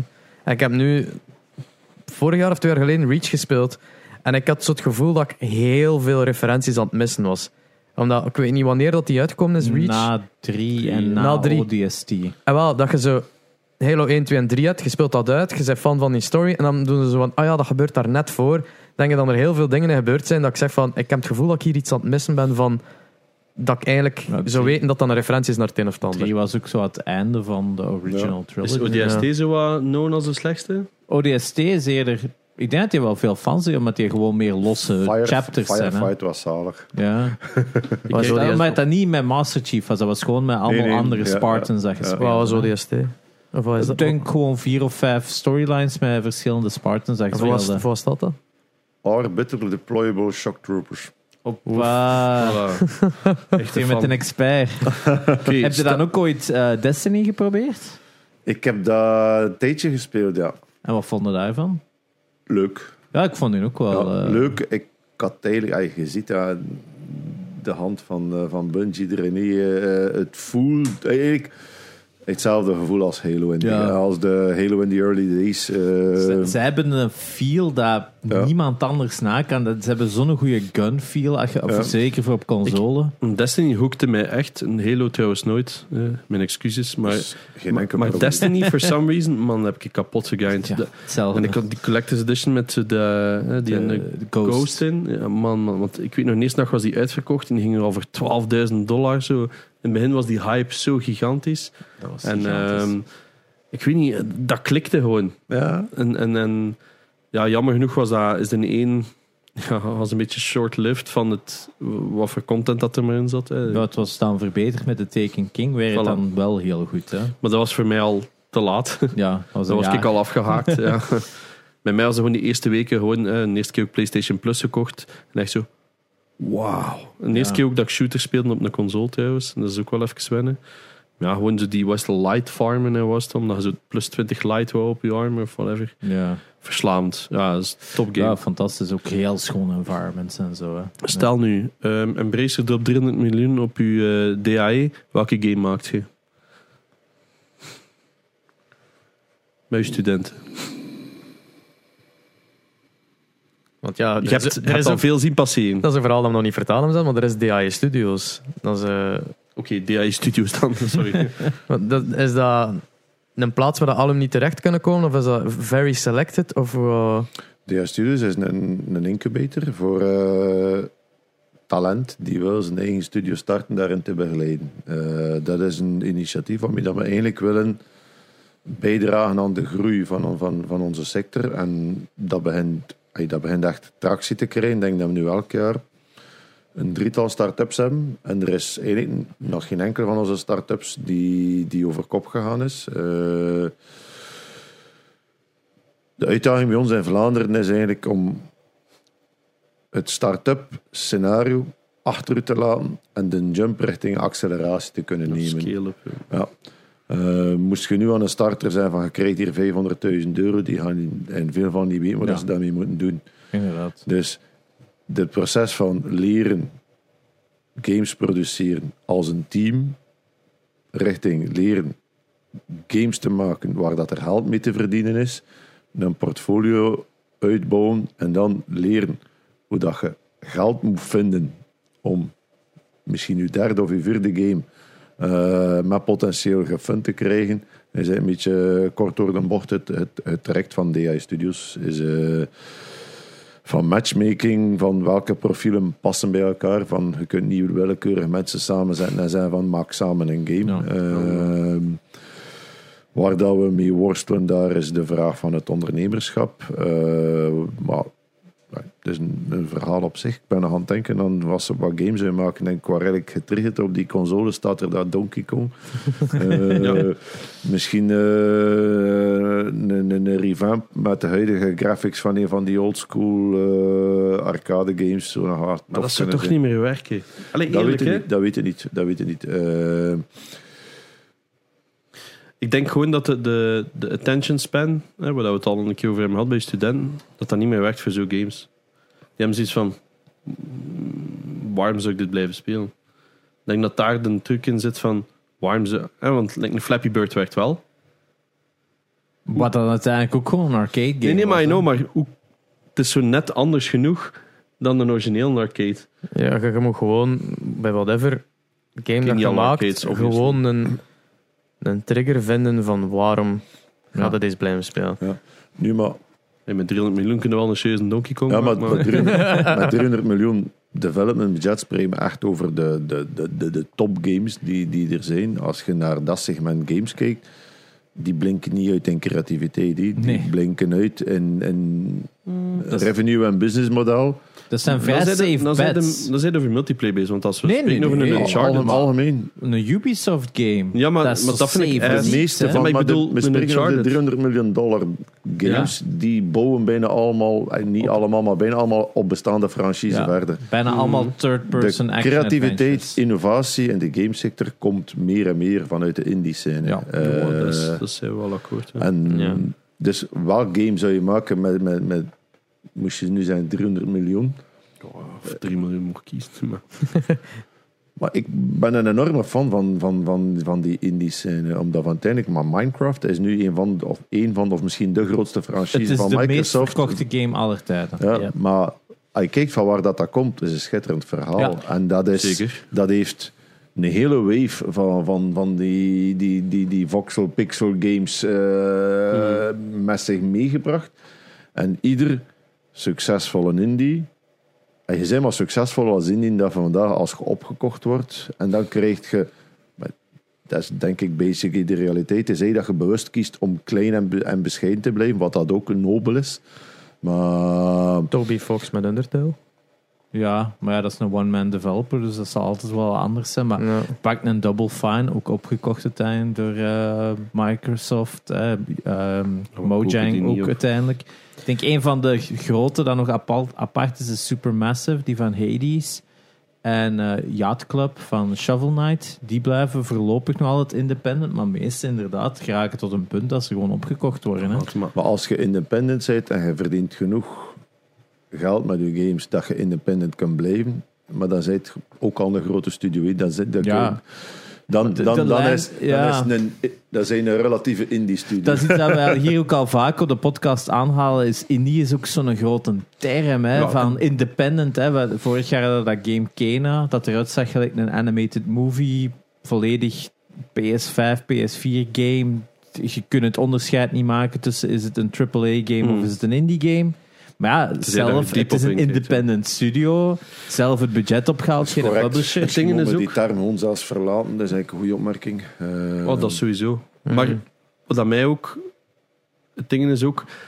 We hebben het er ook al een keer over gehad. Hè. Als er iemand naar u komt, als Indisch... Ik zeg nu Yacht Club. En iemand zegt, hey, hier is een zak van hè, weer 300 miljoen. Hoe moeilijk dat is om nee te kunnen zijn. Dat, dat is toch... Hey, ik denk dat weinig mensen dat kunnen vatten, hoe moeilijk dat, dat is. Hè. Ik denk dat het ook wel lastig is. Hè.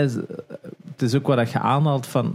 een indie studio krijgt 500.000 euro, zeg je. Mm. Hoe gaan die met dat geld om? Hetzelfde is als jij morgen een zak 300 miljoen krijgt en zeggen van maakt een game.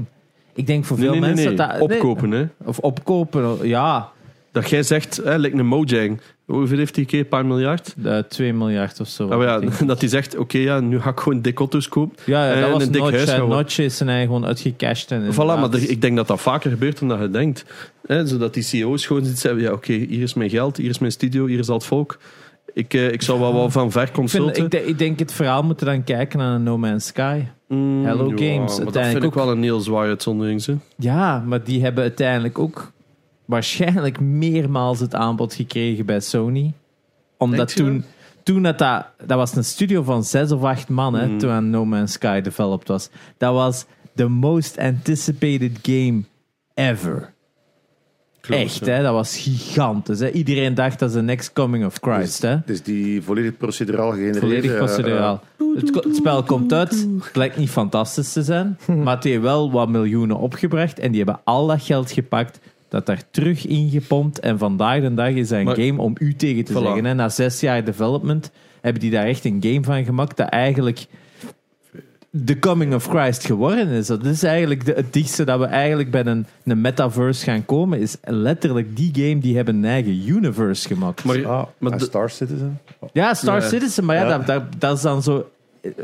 Will it? Well it, won't it. Hè, Ja. Dat blijft zo eeuwig in de. Maar No Man's Sky bewijst dat het. Het kan, het, Het kan, kan, zeker. Het Maar- kan en die blijven nieuwe features. Hè, want ik wat kunnen dan nu? Kunnen is piraten zijn of zo? Ja. Of wat is het? eh?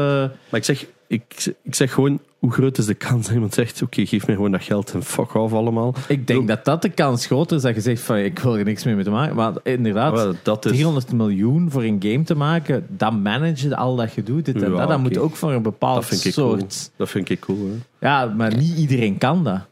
Nee, tuurlijk niet, maar dat is ook iets wat dat je... Ja, Maar het is uiteindelijk- klein starten. Het is uiteindelijk die zak geld dat we hier in België tekort komen. Die investeerders die voor die een zak zorgen. ja, want- Dat wij al in het verschil met like, Nederland, die Horizon Zero Dawn of Forbidden West maakt. Wat heeft het nodig? Dat er een. Larian met, met Baldur's Gate hebben wel die zak geld gekregen. ja, Ja, ah, wel. hoeveel studios hebben die? Maar het probleem, allee, er zijn een aantal mensen die denken van de, de volgende stap vooruit voor Vlaanderen is als we zo'n grote game studio naar hier halen. Dat is fucking bullshit. Maar hier Ja. halen. Waarom? Ja, maar juist dat, het is fucking duur. Als je, Ja. je moest ze juist niet naar hier halen. Man, want het is wat ik... Jij zegt 500k en veel mensen gaan zeggen, amai, dat is veel geld. En ik denk van, dat is peanuts, hè. In de softwarewereld is dat peanuts, hè. Ja. Als je weet dat een deftige dev kan nu snel 10 Maar dat is het probleem in België. Is voor game Exact. development zijn dat niet dezelfde. Krijg je gewoon niet de budgetten die het eh, in de het- Stel dat je een product zou maken als game developer en je zou exact hetzelfde eh, product maken als app developer. Ja. Ook als dat exact hetzelfde eindresultaat zijn en exact dezelfde developers. Ja. Dat app development zou vijf tot tien keer dat budget Maar krijgen. zelfs games versus film. Er is Ja. een filmfonds en er is een gamefonds. Hmm. Eh, ook al is games groter dan film en muziek samen, is in België het filmfonds meer dan tien keer zo groot als het Ja. gamefonds. Maar is dat dan het dat overheidsfonds of dat van Kronos? Dat is het overheidsfonds. ah, ja. Die de Force VC. wat is dat? Force VC, dat Ja. is eigenlijk West Kronos en Paribas die dat samen opgestart hebben. Yes. Daar zitten we eigenlijk momenteel denk ik boven de 15 miljoen euro dat we opgehaald hebben. Ja, en dat, van de week was zelfs nog bekendgemaakt, zeker dat er nu ook project, project, eh, projectinvesteringen komen in plaats van enkel company-investeringen, hè, als ik me niet vergis. Ja. Heel cool. Dat is wel eh, Hey, dat is een mooie start, hè, maar wij weten ook dat dat maar de, de, de, dat is, dat is een Het is druppel op een is, als je globaal kijkt, ja, voor Vlaanderen is dat zeer veel geld. Ja, Ja. Van, Maar ja. In Vlaanderen is de uitdaging, en dat is een beetje de rol dat we nu met onze incubator spelen, de uitdaging is om de projecten te vinden die met investeringen van meer dan een miljoen iets winstgevend kunnen doen. Want dat daar vooral, zit vooral de uitdaging dat ik nu al merk mezelf, wat is nu meer dan tien jaar in de industrie mee te draaien. Je ziet veel projecten, je ziet veel projecten ook tot een release komen. Maar een rendabel product Ja. blijft nog eigenlijk altijd een beetje uit in België, vind Dat ik. is Ja, absoluut. je moet ook zo een, een team samen krijgen die, dat, die echt iets, zoiets kan maken. Hè? Ik Want denk ik dat denk dat zo, team- je hebt heel veel kleine start-ups en heel veel kleine teams van hier en daar. Die, ik denk dat de, de talenten, de teams er wel zijn. Ik denk eerder de Studios. producten Dat, dat, ik weet niet wat het is, maar we Komt krijgen het niet verkocht. Ja. Dat is het probleem. Oftewel is het dat de marketing niet lukt, of dat het, eh, het product gewoon niet interessant genoeg is naar, naar, naar, de, naar de gaming crowd of de gaming community. Ik denk dat Of- dat vooral is. Ik weet Maar een dat triangle, weet is, ik een niet. triangle is een goed Ja. voorbeeld. Had er vijf jaar geleden een Force VC-fonds geweest, dan Ja. ging een bedrijf zoals Triangle al veel verder gezeten hebben. Inderdaad. Maar dat was er niet. Nee. Eh, dus de bedrijven die voorbij die incubatiefase en die, die voorbij hun eerste projecten en die hun een struggles. portfolio aan het opbouwen zijn. Maar ik denk dat dat een struggle is dat je sowieso door moet. Maar als je als studio je daardoor geworsteld hebt en je bent klaar voor de next step, dan was er gewoon niks. Er, was er, gewoon, er was geen enkele bank die je ging lening geven. Er waren geen angels die gingen investeren in u. Eh, er waren geen VC-fonds. Dus dat was echt ja. huilen met de pet op bijna. Van, we, zijn, we zijn klaar om te groeien en we kunnen niet groeien van we vinden geen geld. Nou, nou terug en work for waar dat inderdaad in de filmsector in Vlaanderen was er Tech Shelter op dat moment, was er een gigantisch filmfonds. eh in de IT kost je zonder problemen geld binnenhalen, eh geld ophalen. Maar onze sector stond daar eigenlijk alleen op de wereld. Eh, en nu, eh, met Force VC hebben we toch al een- terug een stap vooruit gezet. Is het voldoende? Nee, maar als eerste aanzet, als we het spel goed spelen, zou er toch hopelijk een- nog een paar extra triangles in de, de komende jaren op de markt moeten kunnen komen. Sowieso, als we kijken naar, ehm wat was het in Leuven, Happy Volcano Happy Games. Volcanoes, ja. Die zijn inderdaad ook op, op, die, op die route hè, ook een grote investering gekregen van Capital. Illusions, die, die Illusions. supergoed bezig is. Ehm, Ja, inderdaad. Ja. inderdaad. Ehm, ja. Ja, ik, ik gun het ze allemaal. Hè. Ik, ik heb gewoon zoiets van, zolang dat de overheid zoiets heeft van goh, die taxshelter bijvoorbeeld. En, en sowieso heb ik al veel gezegd over belastingen in België. Het ging nu ook over dat feit van met Twitch-streamers, eh, die aangifte en zo. Van, dat is allemaal zo gecaterd naar ofwel direct mega budgetten, maar daar wordt totaal geen rekening gehouden met van die kleine start-ups die dat iets willen doen. Die worden gewoon zo zwaar afgestraft dat die vaak iets ja, naar het buitenland gaan. Hè. En dat is de grootste struggle waar dat België niet van onder raakt. En dan, hè, dan lees je dan bijvoorbeeld vandaag van Engie. Ah ja, 1,6 miljard, eh, miljard winst doorgesluist naar een moederbedrijf in Frankrijk. Dus ja, daar wordt geen belasting op betaald in België. En dan denk ik van, ja, maar dat is veel geld wat je zou kunnen binnenhalen. Allee, ja, ik bedoel, als, als wij dat zouden hebben, ja, dat, ja.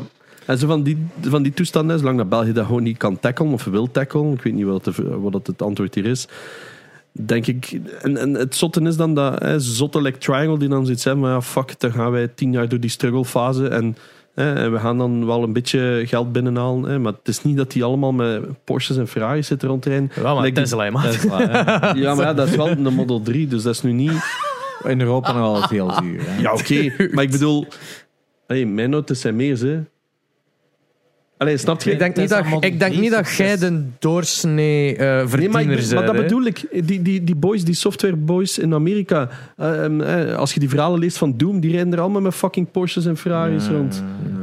Ay, destijds, hè. ik bedoel, dat is allemaal een beetje veranderd. En dan, ay, een Model 3 is dan bijna lachwekkend voor die boys. Ja, hè. ja, maar in Europa is een Model 3 gewoon ook overpriced. Hè, Ja, is het, 55 of 60? Ja, inderdaad. Ah ja, voilà. Dat is. Dus dan heb ik iets van, ja, we're not there yet. Hè. Ehm, en, en ik wil die dat wel gunnen, want die maken keicoole shit. Maar wij, wij kunnen dat lijkt niet in, in België, omdat, zoals dat jij zei, games is een taboe. die- wij kunnen dat wel maken, maar het probleem is inderdaad dat gewoon de budgetten niet Voilà. worden vrijgegeven. Maar, en, en moest hij, moest hij nu met een Ferrari zijn toegekomen, zou iedereen zeggen, amai, dat is een blasé. ja, maar dat is toch... Dat is toch Maar dat is ook typisch Belgisch. Maar de vraag is niet, kunnen we dat maken? De vraag is, zijn we concurrentieel om dat te maken? Uiteindelijk, Mm. als je 20% duurder bent om hetzelfde te maken als Ja. daar zelf, dan zijn niet concurrentieel. Dus we zijn als Ja. regio niet concurrentieel. Dus we moeten ook niet willen die grote producties naar België halen. We moeten gewoon inzetten op onze sterktes als regio. En we, we zijn in, in een regio die, die draait op creativiteit, op innovatie en op technologie. En dat is een belangrijk element in de sector. En daar moeten we op inzetten, maar niet willen die grote producties naar hier. Inderdaad. Ik denk ook niet dat we moeten streven om die grote budgetten vrij te krijgen voor die gigantische producties. Maar gewoon... En de sector is op zoek naar creativiteit, naar innovatie. Ze zijn er actief naar op zoek. Want als je dat nu ook gaat vergelijken, het is goed dat je het zegt van inderdaad die grote producties, dat is ook zoveel dat je denkt van, ah ja, Ubisoft Montreal maakt Prince of Persia. Maar Ubisoft heeft dan nog Ubisoft eh, Vietnam, Ubisoft Maleisië, Ubisoft... eh, Berlijn. eh, allemaal van die studio, maar die zitten ook even goed in landen gelijk Vietnam en Maleisië, omdat daar dan de werkkost ook kleiner is. En ik ken van studios in Vietnam die bijvoorbeeld voor Forza de auto's maken. Ja. Dat is peanuts dat die betaald worden voor daar die auto in elk detail van een 3D perfect na te maken. Zo kan die productie daar ook op winnen. Het gaat uiteindelijk ook op altijd iemand anders zijn rug. Ja. Bij, die, bij die gigantische producties even goed. Ja, hè? iemand- dus jij kunt zeggen van ze rijden daar met een Lambo, maar die Lambo is betaald door die Vietnamezen die dat ze dan Dat is een- 20 euro voor een Lambo hebben betaald. hè? Natuurlijk, ah ja, want de Big Chiefs moeten toch ook in een Bugatti kunnen kopen en in de jacht. Ik bedoel, iemand moet die winst betalen. Maar ik vind het wel, ik vind het wel sterk dat wij. eh, Dat is echt dat we zo, eh, hier in België zo creatief en innovatief zijn, maar wel vastlopen omdat dat het land het zelf niet creatief en innovatief genoeg is om daarvoor te cateren. Dat is echt wel zo'n heel dubbele. De mensen die in creatief zijn, creatief zijn en echt aan de top. uitspreek, gaat het niet over de politieke laag. Ja, wel, ja. Maar het, is grappig, het is grappig hoe dat, dat zo elkaar keihard tegensteekt ver- tegenspreekt Ah, ja, vergeleken met zo de dat- mensen die we hebben in, in de branche, die daar zo in uitblinken en dan de, het, het, de rest die daar zo tegen werkt. Omdat ik denk ook, als je, stel dat je nu creatief en innovatief bent in de politiek, ik denk dat je maar zoveel jaar kunt volhouden voordat je gewoon Maar- completely churned out en Ja. gewoon broken eruit Het ding is, omdat niks- ondernemerschap niks wordt ook hard afgestraft. Ja, ja. Kijk naar de Gert Verhulst, hoe, misgunnen, hoe hard misgunnen mensen die. omdat hij ook veel vijanden heeft gemaakt. Hè? Natuurlijk, maar, Maar ja, dat- los daarvan, gewoon de, de mens op de straat, de Gert Verhulst, zoals een rijken blasé. Voilà, maar dat bedoel ik. Dus jij wordt ook afgestraft als je iets anders wilt doen. Daar heb ik het dan Ja, moeilijk veel mee. is ook jaloezie natuurlijk. Ah, maar voilà. maar dat is wat ik dus zei. Als die met een. Ferrari toekomt, dan gaan we allemaal iets zeggen. Ik Maar ben wat een voorraad. Heel content Maar met mijn... ze in Amerika even goed denken. Wat een voorraad. Maar nee, maar iedereen rijdt er fucking mee. In Amerika is dat net helemaal omgekeerd. Ja, maar ik weet het. Er zijn even Ook niet de mensen juiste die manier te wel zo denken van dat is Ja, maar ik, dat is iets wat dat hij dus helemaal in het begin aanhaalde. Wij zijn gewoon zo convers, eh, conservatief Ja, in ons gedachtegang van alles moet rustig en klein. en, ik, en ik geloof Dat is wel... in jaren onderdrukking ook. Hè. Dat is, als we niet van de Duitsers waren, waren Ja. van de Oostenrijkers, waren van de De, Spanjaarden. de West-Vlaamse werkmens. Het is jaren onderdrukking zit gewoon ingrained in our DNA. Hè. Oké, een grote game waar je naar uitkijkt. De grote game waar ik naar uitkeek. Oh, eigenlijk momenteel geen enkele, omdat ik, ik wacht op een verrassing. Eh, Oké, moeilijk. ik ben Ah, ja. een tijdje geleden dat, ik- dat ik getriggerd geweest ben. eh Zo'n Returnal of zo? Vonden dat niks? nee? Returnal op PS5, dat was zo weer iets van... ik heb Hey. nog nooit PlayStation gehad, ik ben een Xbox man. Ah ja, obviously. Eh. Oké. Ah, ja, maar dan snap ik wel wat het. je Je zijn niet gewoon van games te krijgen. Eh, Ah, maar- snap ik. Ehm, ja. Ja. In de, als Xbox-man dan, ehm, de Game Pass als evolutie naar Oh, de sector. Goeie vraag. Eh, Als consument, ja, voordelig natuurlijk. hè. Maar Fucking awesome. Ik heb hem ook gehoord. het is zo een 50-50 verhaal, denk ik. ik. Ik kan het niet inschatten, is het nu een positieve evolutie of is het een negatieve evolutie in de long run? als ik kijk naar mijn eigen Steam-bibliotheek, alles dat, dat ik heb als game staat op Game Pass. Ja. Dan ben ik een, een, een, een weirdo in misschien. Maar op Game Pass heb ik ze niet, die games. Ja. Eh, zeggen. maar langs de andere kant, het is wel fucking interessant geprijsd. Hè.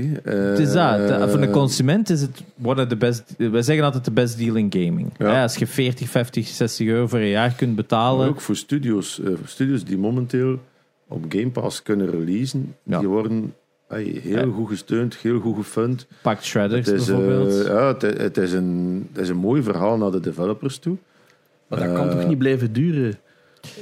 Dat is al van veel dingen gezegd. Hè. ja. Maar dat is toch... Maar het is nu Han- Netflix bijvoorbeeld. Het is een voorbeeld. Hans de, ja. Hans de regio Montreal, Quebec, Montreal, zeggen ze al meer dan tien jaar, dat kan niet blijven duren. Still going.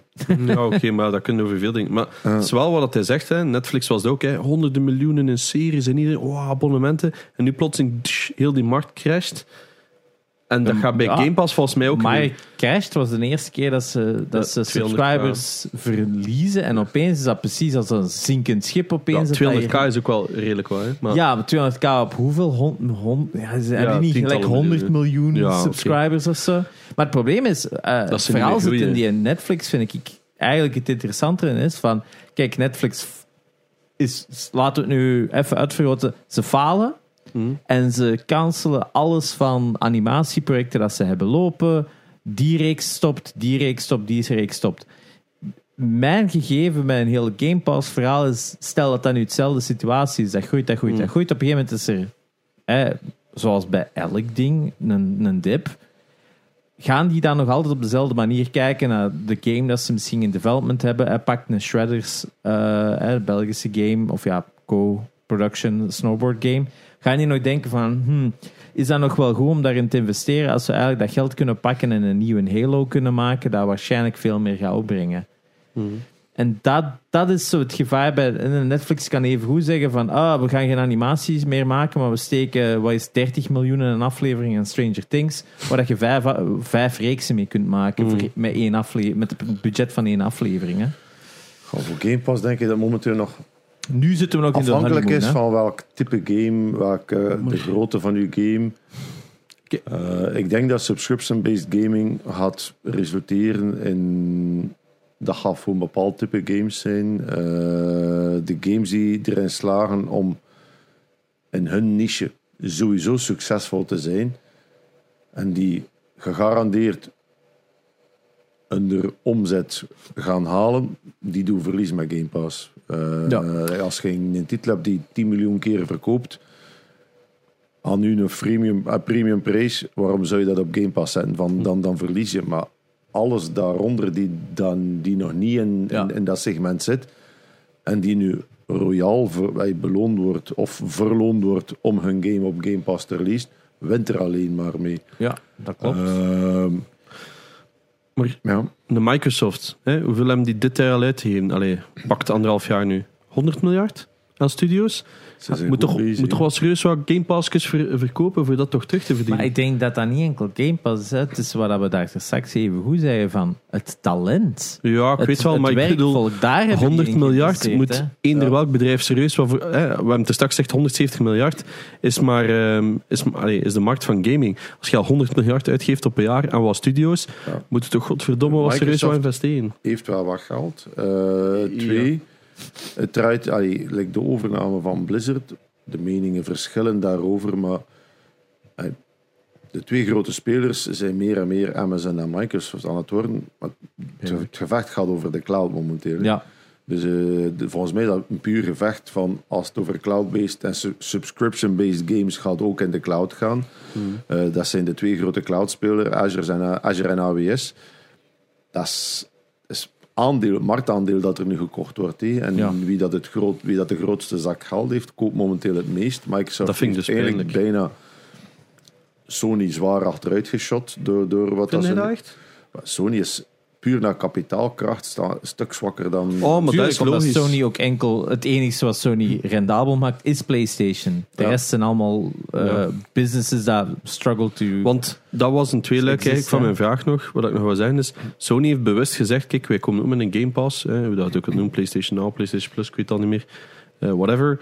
Ehm, maar wij doen geen ehm, first, first day releases, omdat wij kunnen dat gewoon niet rendabel maken. Ja, En, en dat is het tweeluik van die vraag is, Microsoft heeft gewoon, stikt daar zo absurd veel geld in. En ik vraag me gewoon af, met wat voor return?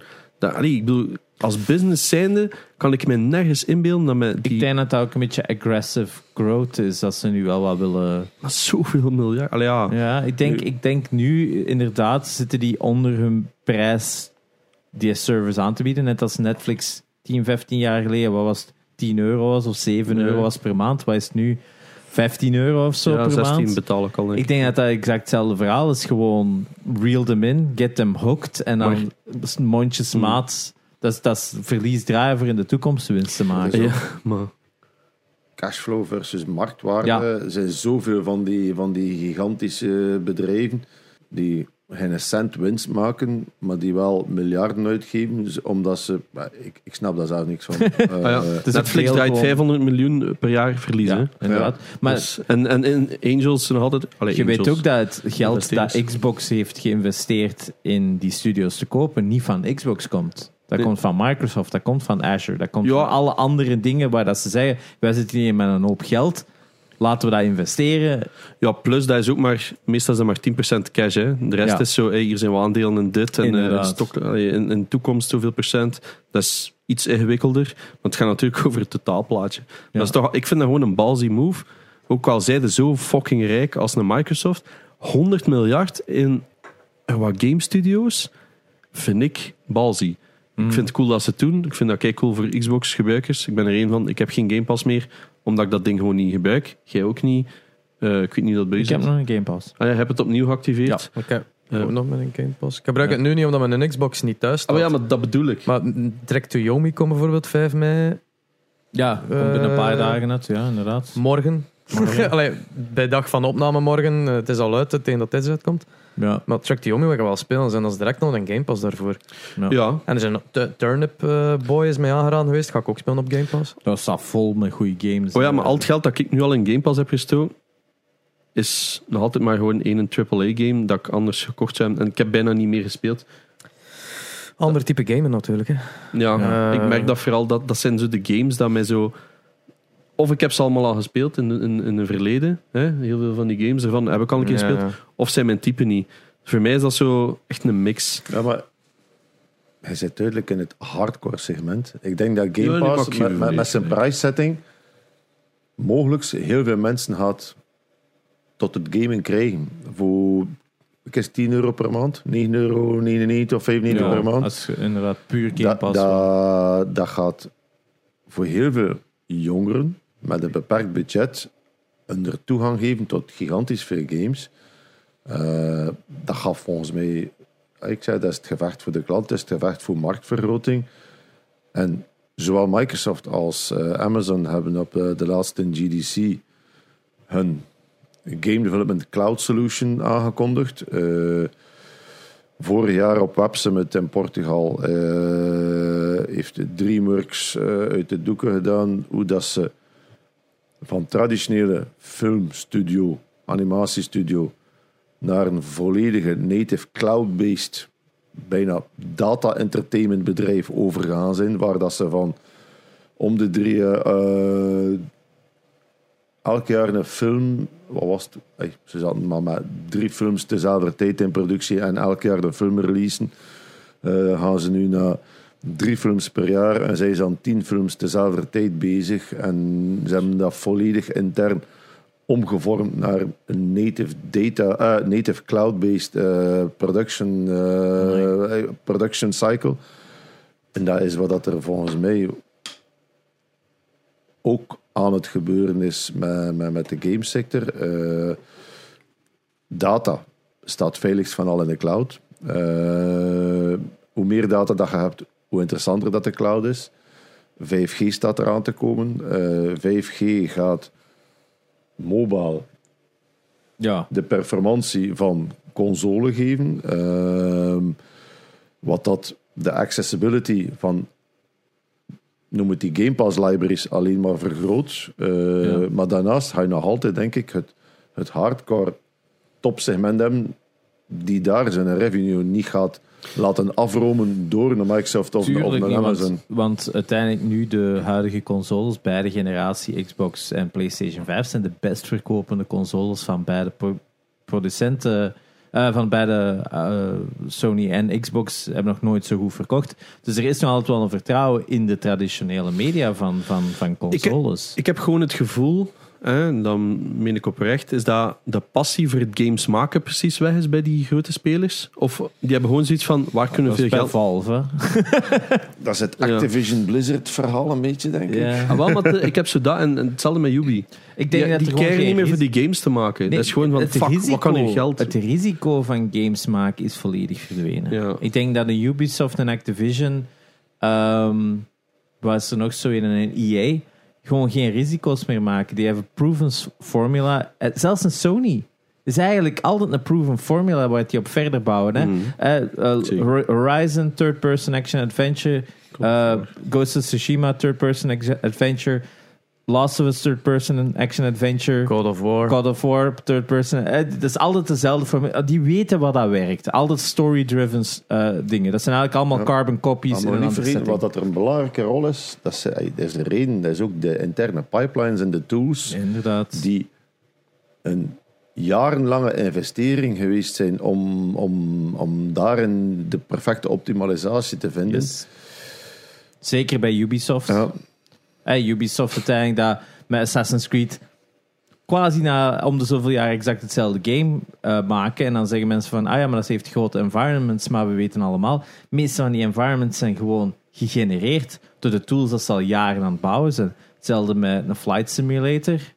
Voornamelijk cloud-based generated tegenwoordig. Hè? Dus die, die pipelines zijn daardoor ook korter en ook wederom goedkoper eigenlijk voor een Voilà, maar dan verliest de pas, zeker binnen Assassin's Creed, de passie. Wij, wij voelen dat hè, aan die Maar game. ja, van- dat, dat kost nog altijd honderden miljoenen Ja, euro's. hè, maar- dus maar ik eh, geloof het risico... Maar denkt u dan niet dat, Jawel. denkt u dan niet dat de, de talent leegloopt bij die grote bedrijven aan het gebeuren is, net door dat verlies van passie? ik denk nog. Gaat een hoop nieuwe, denk nieuwe spelers spawnen die dan... Ik denk dat het afhangt van uw profiel. Het is waar, je hebt ook verschillende profielen dat afstuderen. Hè. Je hebt mensen die daar ehm, de nood hebben voor echt... wat bedoel je met talent leegloop? Eh, dat er, ja, gelijk bij... De, de, Ubisoft. Ka- de Kaplan die weg is bij Overwatch. Ja. Bij, bij het Naughty Dog die de grote spelers eh, een eigen bedrijf kwijt. Amy Hennig heeft daar eigen dingen gestart. Ja, ja. Allee, is Maar dat zo... zijn seniors allemaal. Maar Ja, ja wel, even- maar dat zijn, zo, pak, het zijn net die seniors die ervoor gaan zorgen dat de, de, de profielen die geen eigen ding gaan starten, wel elkaar terug kunnen vinden en iets creatief kunnen starten. Is dat geen cycle die constant opnieuw gaat Maar- gebeuren? Mm, Nu ga ik een gewaagde ui- uitspraak doen. Die spreekt wel over de dinosauriërs van, de- van de game-industrie. Die zijn met uitsterven bedreigd door hun eigen succes. Die worden van de ene kant naar de andere kant opgekocht voor absurde bedragen. Nou, niet zo lang geleden heeft Amazon Game Studio investeringen gedaan, profielen aangetrokken voor absurde bedragen, echt absurde bedragen. Dat, dat geeft ook maar eens in een tijd. Op een bepaald moment gaat die generatie zeggen van ik ben binnen. Die, ik ken er een aantal die zeggen van ik moet niet meer werken. Eh, maar daarachter zitten die seniors er niet meer. ja. Dus de sector kan nu nog misschien een beetje verder bollen op die, op, op die, hè, op, op die dinosauriërs. Maar de toekomst zit bij de volgende generaties. En daar zijn er veel minder van, van, van dit soort kanonnen. eh, Jammer. Ja, de- maar Daar dat, heb ook, ik dat, dus spijt waren ook, van. Hè. dat waren uiteindelijk ook in veel gevallen de innoveerders. Dat waren ook de vooruit, vooruitlopers. hè. Een Cliffy B of zo. Hè. De- Ook al jaren Maar- geen game meer Maar gemaakt. daar is hè. het businessmodel dood creativiteit. hè. Dus de, de, Dat wil ik nog aanhalen. Ja. Kijk naar Amazon. Hè. Die laatste MMO dat ze hebben uitgebracht. New World. Man, wat een bullshit was dat. Steek daar fucking veel geld. Maar dat bedoel ik dus. Die bedrijven hebben gewoon zoiets. Oké, wij hebben massa's veel geld. Hier, maak game. Ah shit, werkt niet goed. Ja, weg 100 miljoen. Ik zeg maar iets, hè. En daar heb ik dus nu het schrik van Microsoft dat die identiek hetzelfde aan het doen zijn. Oh, hier is 100 miljard. Ah ja, alles is weg, want wij willen alleen maar geld maken, kopieerdingen. En daar heb ik dus schrik van al die hutte bedrijven. Ik denk, Ik, ik, want toen met de eh, overname van Blizzard zei ik ook, ik heb het gevoel dat dit monopolie aan het worden is. Dit, dit gaat, het gaat niet meer over, over de games maken, wat dat ons vooral interesseert. Zoals dat gezegd, wij zijn natuurlijk een hardcore genre. Wij zijn vooral ge- gecaterd naar die specifieke ervaring, hè, zoals dat ze hier staan. En niet meer naar, eh, ik wil level 600 halen en Bejeweled. En dan zit me bij wat dat het volgens mij het echte risico is. Dat is de reden waarom dat Amazon Twitch opgekocht heeft.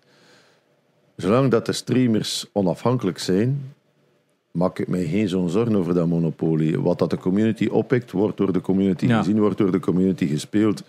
Het moment, eh, een, streamers, succesvolle streamers, verdienen ook bakken geld. Ja, belachelijk veel. Het moment dat die uit de hand beginnen eten van onder een platformhouder, als dat zou gebeuren, ik, ben, ik denk dat dat bijna onvermijdelijk is dat er, dat, dat gaat gebeuren op bepaalde niveaus. Gaat onafhankelijke streamers beginnen hebben, denk ik, en je gaat volgens mij aan een platform gekoppelde streamers beginnen hebben. Dat bestaat al, hè? Dat, Ja. is, dat is nu al. Hè. Maar- ik ik Ja. mag niet streamen op een ander platform van Twitch, omdat ik Nee, nee, nee, maar ben, ik bedoel meer aan een platform als Ja. een publisher of zo. Ah, op die manier. hè? Eh, ja, want uiteindelijk, Amazon is alles. Hè.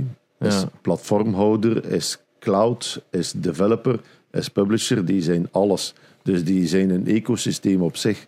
Ja. Dus als je... Slecht ecosysteem. Behalve de cloud. sorry. ja, ik vind dat, hè.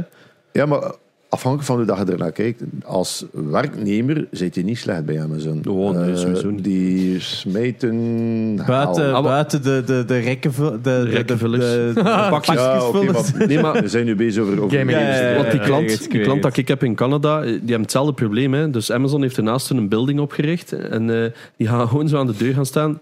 Yo, you want to make money? We offer twice the money.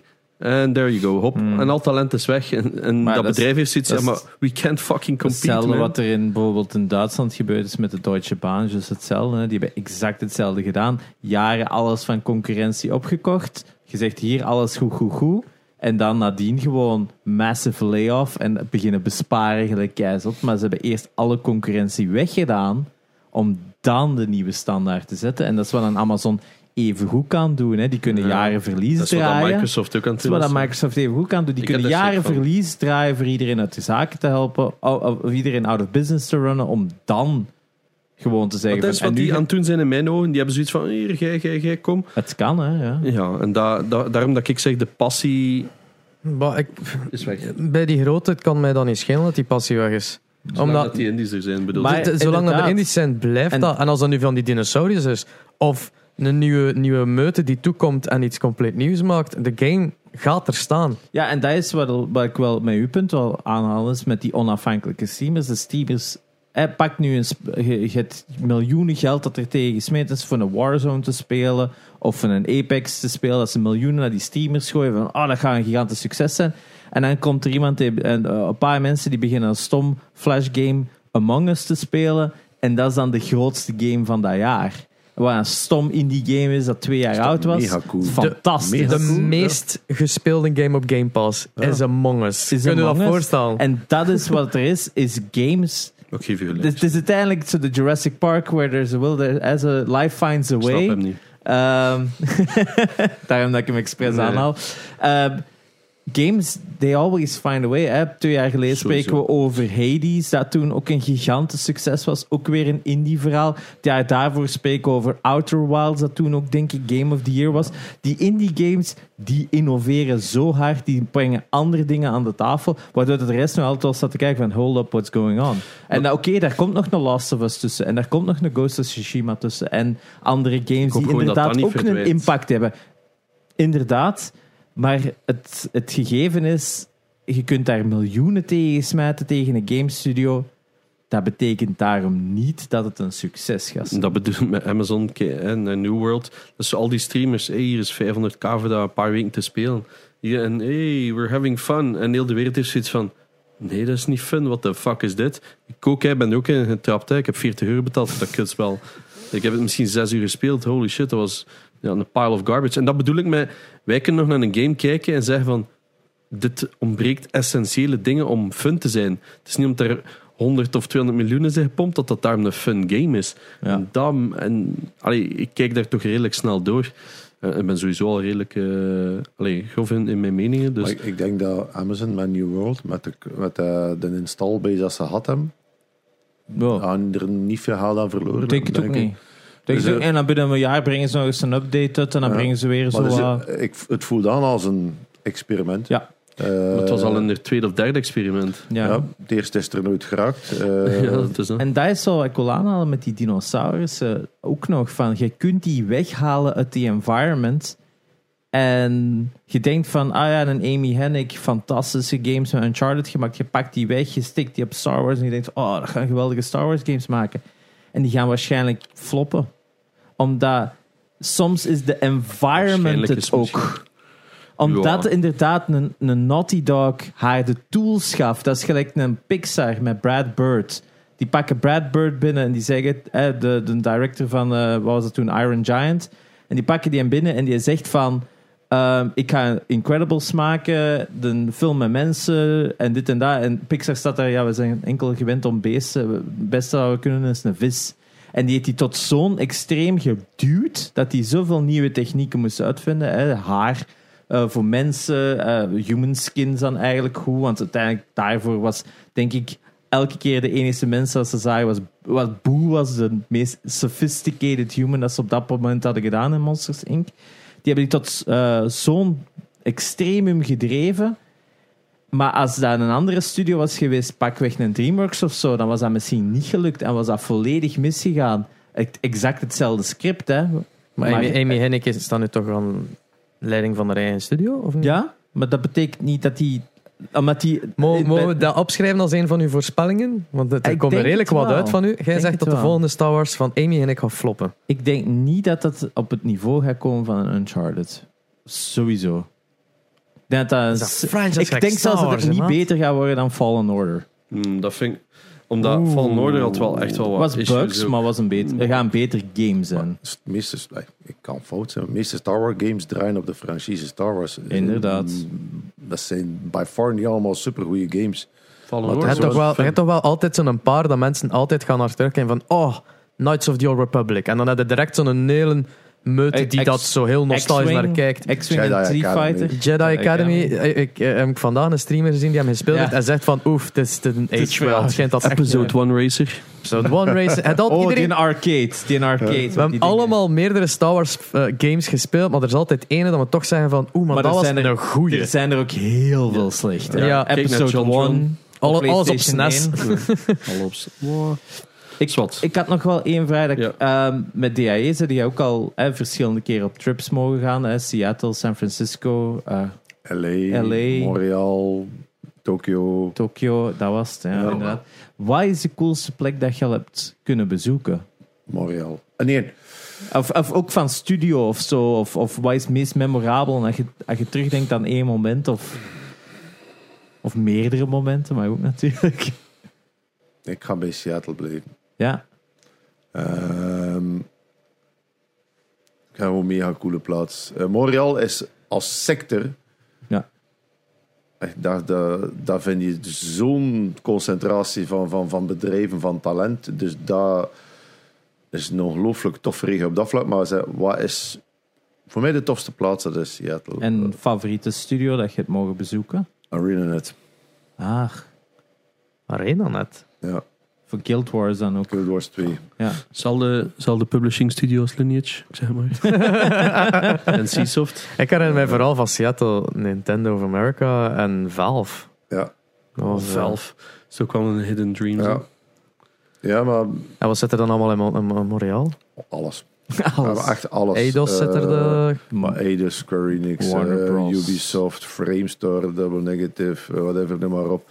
Hey, je kunt bijna niet zot genoeg noemen wat dat er daar allemaal zit. Ja. Eh, Unity zit daar met, met, met 120 of 130 man.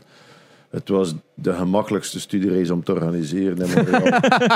Eh, Zeg jij? Nee, wel die andere 30 zeggen ja, dus fuck ja, maar dat is echt, dat, dat was, dat was, dat is zot. Wat Dat, dat is ook er schering en inslag waarschijnlijk bij die studio's. Ja, ja, laat ze maar komen. Hier is ons kaartje. Nou, ik, ik, Maar niet als je. Als, als wij. De meeste bedrijven schrikken toch als wij op bezoek gaan, is dat meestal met deze 50, 80, 100 man. Ja, Eh, dat is toch wel stevig, Dat is stevig, ja. We zijn ooit in de, de voor DAE met 180 studenten naar Microsoft geweest. Vijf bussen. Ehm, maar Seattle heeft, ja, ik vind Seattle heeft iets tofs. Het is eh, Noordwest-Amerika. de laatste, de laatst ontdekte plaats eigenlijk in Amerika. eh, de, een van de weinige plaatsen waar dat er nog Native Americans eh, zijn, weliswaar in een klein res- reservaatje gestoken. De, de grunge. Geboorteplaats van de de grunge, ik was echt aan het wachten voor te zeggen. enorm, eh, enorm coole natuur ook. Je kunt, je kunt, als, als ik met DAE ga naar Seattle, is er altijd zo ergens een momentje dat je vrij hebt. En we hebben samen met, drie mensen, drie gasten, hebben dat momentje gekozen om een bus te pakken naar het graf van Kurt Cobain dan. Dat is zo een paar dorpjes verder is. Ja. eh, Allee, een paar dorpjes in Amerika is wel al... Ja, ja, dat aan Zes uur later. Ja, ja, was, maar we hebben daar nog foto's van. Was, eh, Mathieu, Ik- Jasper en ik. Voor mij was, ik ben dan naar San Francisco geweest. eh, voor mij blijft ja memorabel was Pixar te kunnen bezoeken. Hè. Dat, Ja. was, eh, dat was ook wel even een. Daar was ik dan jaloers op dat ik niet mee was. Amai. Nu, supercool bedrijf, indrukwekkend. Ik ben gewoon van nature geen persoon die Ja. geen, geen, Starstruck. geen hype mens, geen Ja. starstruck, ben ik ook geen. Het is maar geen- uiteindelijk is ja. elke. It's an office, it's a building with chairs nerds- and computers. ja, Pixar heeft wel een zeer mooi gebouw. Ja. Toffe, toffe, coole werksfeer van binnen en zo. eh, En, en ja, ook op, op vlak van film maken nog altijd vooruitsteven. Hè. Ik vind persoonlijk altijd Ja. toch wel elke film toch wel iets van een impact heeft. Buiten de Last Dinosaur, Het dat meest- was een slechte. Ugh. Eh, de vraag, meest memorabele studio. Oh, soundtrack. ArenaNet.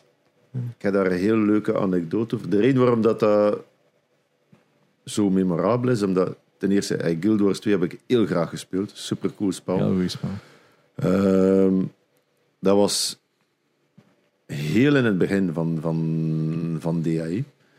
Eh, dus ik kom niet uit deze sector. Dus de, de, de, sector en de mensen in de sector leren kennen is ook een leerproces geweest voor mij. De eerste, mm, dus eigenlijk gewoon ja, hoe dat je typisch aan zo'n studiereis begint. Je gaat op LinkedIn en het internet gaan afschuiven achter een e-mailadres en dan begin je dat te spammen gelijk zot totdat, eh, totdat die persoon antwoordt of bereid is om, om een meeting te plannen met u. En dan hebben we eigenlijk een, de eerste meeting was eigenlijk met Daniel Dootsu, die eigenlijk dat jaar verkozen was tot Art Director of the Year. Eh, en, en die heeft mij op de rooster gelegd. Eh, ik uh, gezweet van het vaderland weg. Dat was een meeting die gescheduled stond voor een half uur. Ik denk dat we dat twee uur en een half gezien hebben. Die was niet overtuigd. Die zei dan, ik snap niet wat hij er wil toe met het curriculum. En ik was nog by far niet zo goed vertrouwd met de terminologie, met de focus en met de, de inzicht in de workflow. Ik heb daar uit mijn nek moeten zitten lullen om die persoon te overtuigen. Achteraf hoorde ik dat die recruiter die erbij zat zijn dochter was. Uh, Maar wat uiteindelijk het moeilijkste gesprek ooit geweest is, is uiteindelijk is een van mijn beste connecties momenteel in, in de regio Seattle. En die, dat was dan uiteindelijk dat jaar waarschijnlijk ook het beste bezoek dat we gehad hebben. Zijn studenten zijn persoonlijk door Daniel Doosje rondgeleid geweest. Amai. Door de studio. Ze hebben alles mogen zien. Um, en eigenlijk nog altijd. Ik heb het recentelijk nog een keer uh, opnieuw opgestart. Guild Wars 2 met de nieuwe expansie. Het ziet er nog altijd mega cool ja, uit. Ja, dat vind ik wel vaak bij die NCSoft games. Ja. Ze hebben jammer genoeg een paar eh, heel, heel Eén. Heb ik niet. Ja, ik heb dat een paar keer opgestart. Ja, maar dat was het niet. Ja. Ik voelde die klik niet, ja. die lore niet. Dus hebben ze nog een gehad met zo wat beesten. Zo, ik wil ook zo'n raccoon zijn, en wat was het allemaal? Ja, het was ook zo een van NCSoft. En... Guns. maar het had dus enkel zo Guild Wars en Lineages en zo waren er ja, grootste producties geweest. En daar moesten ze wel wat banken, want sindsdien is er niks niet meer. Hè. Ja. Maar als je een goede MMO kunt levende hou, leven, levendig houden, hè, pak naar Guild Wars 2, uiteindelijk hoe oud is die? Ook al niet 12 of tot 12 jaar, ja. zoiets. Het is wel, de, de, uh, ook ene zonder een monthly fee ook, hè? Ja, ja. Wat in expansions moet kopen, maar expansions ja, moeten pakken, maar inderdaad, Final Fantasy is altijd monthly payment als ik me niet vergis. Nee, je kunt ook free, hè, maar voor de 14? Ja, ik kan ja, me niet weten. ook niet. Uh, maar inderdaad, veel zijn nog altijd op een bepaalde betaalplatform of free ja. en dan sterven ze. Het is altijd zoiets, hè? Ja, snap ik. Is er iets wat jij zegt van hoe wilt jij mensen die luisteren overtuigen om naar DAE te komen? Wat denkt jij dat de sterkte is van jullie school? School, of ik wil, ik wil dat nu zo niet zijn, meer van jullie Als je droomt, en kies bewust het woord droom, als je droomt om ooit een onderdeel van de game of de filmindustrie te zijn, dan zijn wij de beste partij om, om naartoe te gaan. Van, eigenlijk als je ons vergelijkt met onze internationale collega's, value for money zijn we fucking cheap. We één vergelijkpunt, Gnomon 3D uit LA is een zeer gekende school. Ze heeft heel veel naam en faam. Maar voor hetzelfde diploma kost het daar ongeveer 160.000 dollar om, om die diploma te halen. Bij ons kost het een fractie ervan. Hmm. Ehm, Bedankt, toch een beetje overheid. ja, oké. Ja, En ze staan systematisch achter ons in de ranking in de rookies. Eh, maar als je droomt van een job in deze sector, je moet die een droom, je moet die passie hebben. Hmm, de drive. Eh, je moet die een drive hebben. En je moet bereid zijn om er veel tijd en energie in te steken. Want je, je wordt niet de beste door op je leeg gat te zijn. Nee. Ehm, Vind ik geen enkel ding. ja. Yep. Nee, maar dat is niet wat dat belangen aan niet iedereen beseft dat. Eh, Veel reality slaps nodig in deze wereld. ja. Vind, ah, je vind ik, hè. ik probeer dat ook zo altijd aan te kaarten. Even zo, gasten, het is nog altijd de werkelijke wereld. Want soms moet je afvragen, wat wil je eigenlijk doen met u? Maar ik zal het zeggen aan Fantastisch. Mike. dat, ja, dat, dat- ik, kan, ik denk daar nog vaak op terug. eh. Ja. ja. Is er nog iets wat je wilt pluggen? Nee, niet direct. Dat vind ik super boeiend. Ik zou hier eh, nog lang kunnen Ja, doorgaan. ja, ik snap maar- het. Dat maar- krijgen we vaak. Wij ook. Maar het, het ding is, hè, de aflevering komt misschien zaterdagmorgen online. Yes, zaterdag. Oké, dus vandaag kunt je naar de informatiedag gaan eh, van jullie. eh. andere interessante plug is ook wel hè, vaak eigenlijk. eh Espen heeft ook een livestream gedaan. De zaterdag zondag vanuit een Barvatar. Kijk naar de artwork dat hangt in een Barvatar. Want dat is allemaal van DAE-studenten. dat dus Ja. ehm, voor de mensen die dat daar vaak komen, hè, kijk het eens goed rond. Ja. Nee, maar als het zaterdag eh, online komt, zaterdag is onze infodag. Dus als je deze wereld Ja, maar we zitten al drie uur ver, dus misschien eh, De- zullen we het even op Discord en zo We posten. zullen Ja. sowieso nog sharen, inderdaad. De level in Kortrijk waarschijnlijk. Absoluut. Ja, The place to be. Bij Inderdaad. de appel dat voor de zevende keer veranderd is van... eh, Een appel ligt open. Hè. maar Eh, altijd al? Dat, dat, dat lag om toen dat wij daar studeren. Dan is dat klaar geweest. Dan is dat weer opengesmeten. Dan is dat weer iets anders. En nu ligt het weer al open. Dus echt zo. Ah, nee, ja. België. Ik zou Maar niet verwachten. nu gaan ze het oplossen, maar ze doen hem weg. Zo dan maar. Het gaat ondergronds. Ah, is het echt? Ja. Dat is lekker op de lijn in Antwerpen. Fuck it, het lukt ons Ehm, niet gewoon onder. Wij moeten ook nog altijd die Candleman eh, ja. weggeven, Switch. Ehm, ik stel voor, eh, Rick, kun jij een getal tussen 1 en 27 zeggen? Tussen 1 en 27. 1 en 27. 13. 13, alright. Lucky number Eh, 13. één. Oké, Philip Rijkbosch, eh, jij hebt eh Candleman de Switch. There we go. Proficiat. Daarmee, eh, de onschuldige hand heeft gekozen. Alright. Rick, super bedankt dat je wou langskomen. Nee, het is met plezier. Het was super tof. Een van de Eh, interessante... Ja, Ah, definitely. je een keer veel bijgeleerd, ik zal het zo zijn. Ja. Het zijn niet meer gewoon random feitjes, het zijn echt dingen bijgeleerd. ja, super, maar ik vind het super cool. Eh, mega toffe setting. Ik ga ook beginnen luisteren naar Gamecast. Alright, super. Normaal roep ik meer.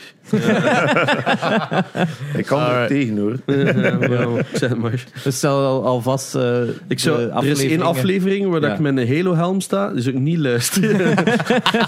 Ik zou voorstellen die van eh, Ben, eh, Raf en Ja, ja, die- Praga zijn Ah, wel ja, heel interessant. Echt een paar iconen uit de journalistieke industrie. eh. Ja. Zwat. Eh, volg ons op eh, eh, Instagram en Twitter. Join de Discord als je wil meedoen met de discussies. Volg ons op YouTube. Volg ons op YouTube, definitely. We zijn dicht bij de duizend. Zeggen Yes. We ook al weken aan een stuk. Ja, we maar- zijn de 59, eh dat waren vorige week, zijn we al nu al bedaan. We Dus zijn aan het stagneren. Eh, aan het stagneren, aan het Het is- eh, zijn we Ja, aan maar- zeggen.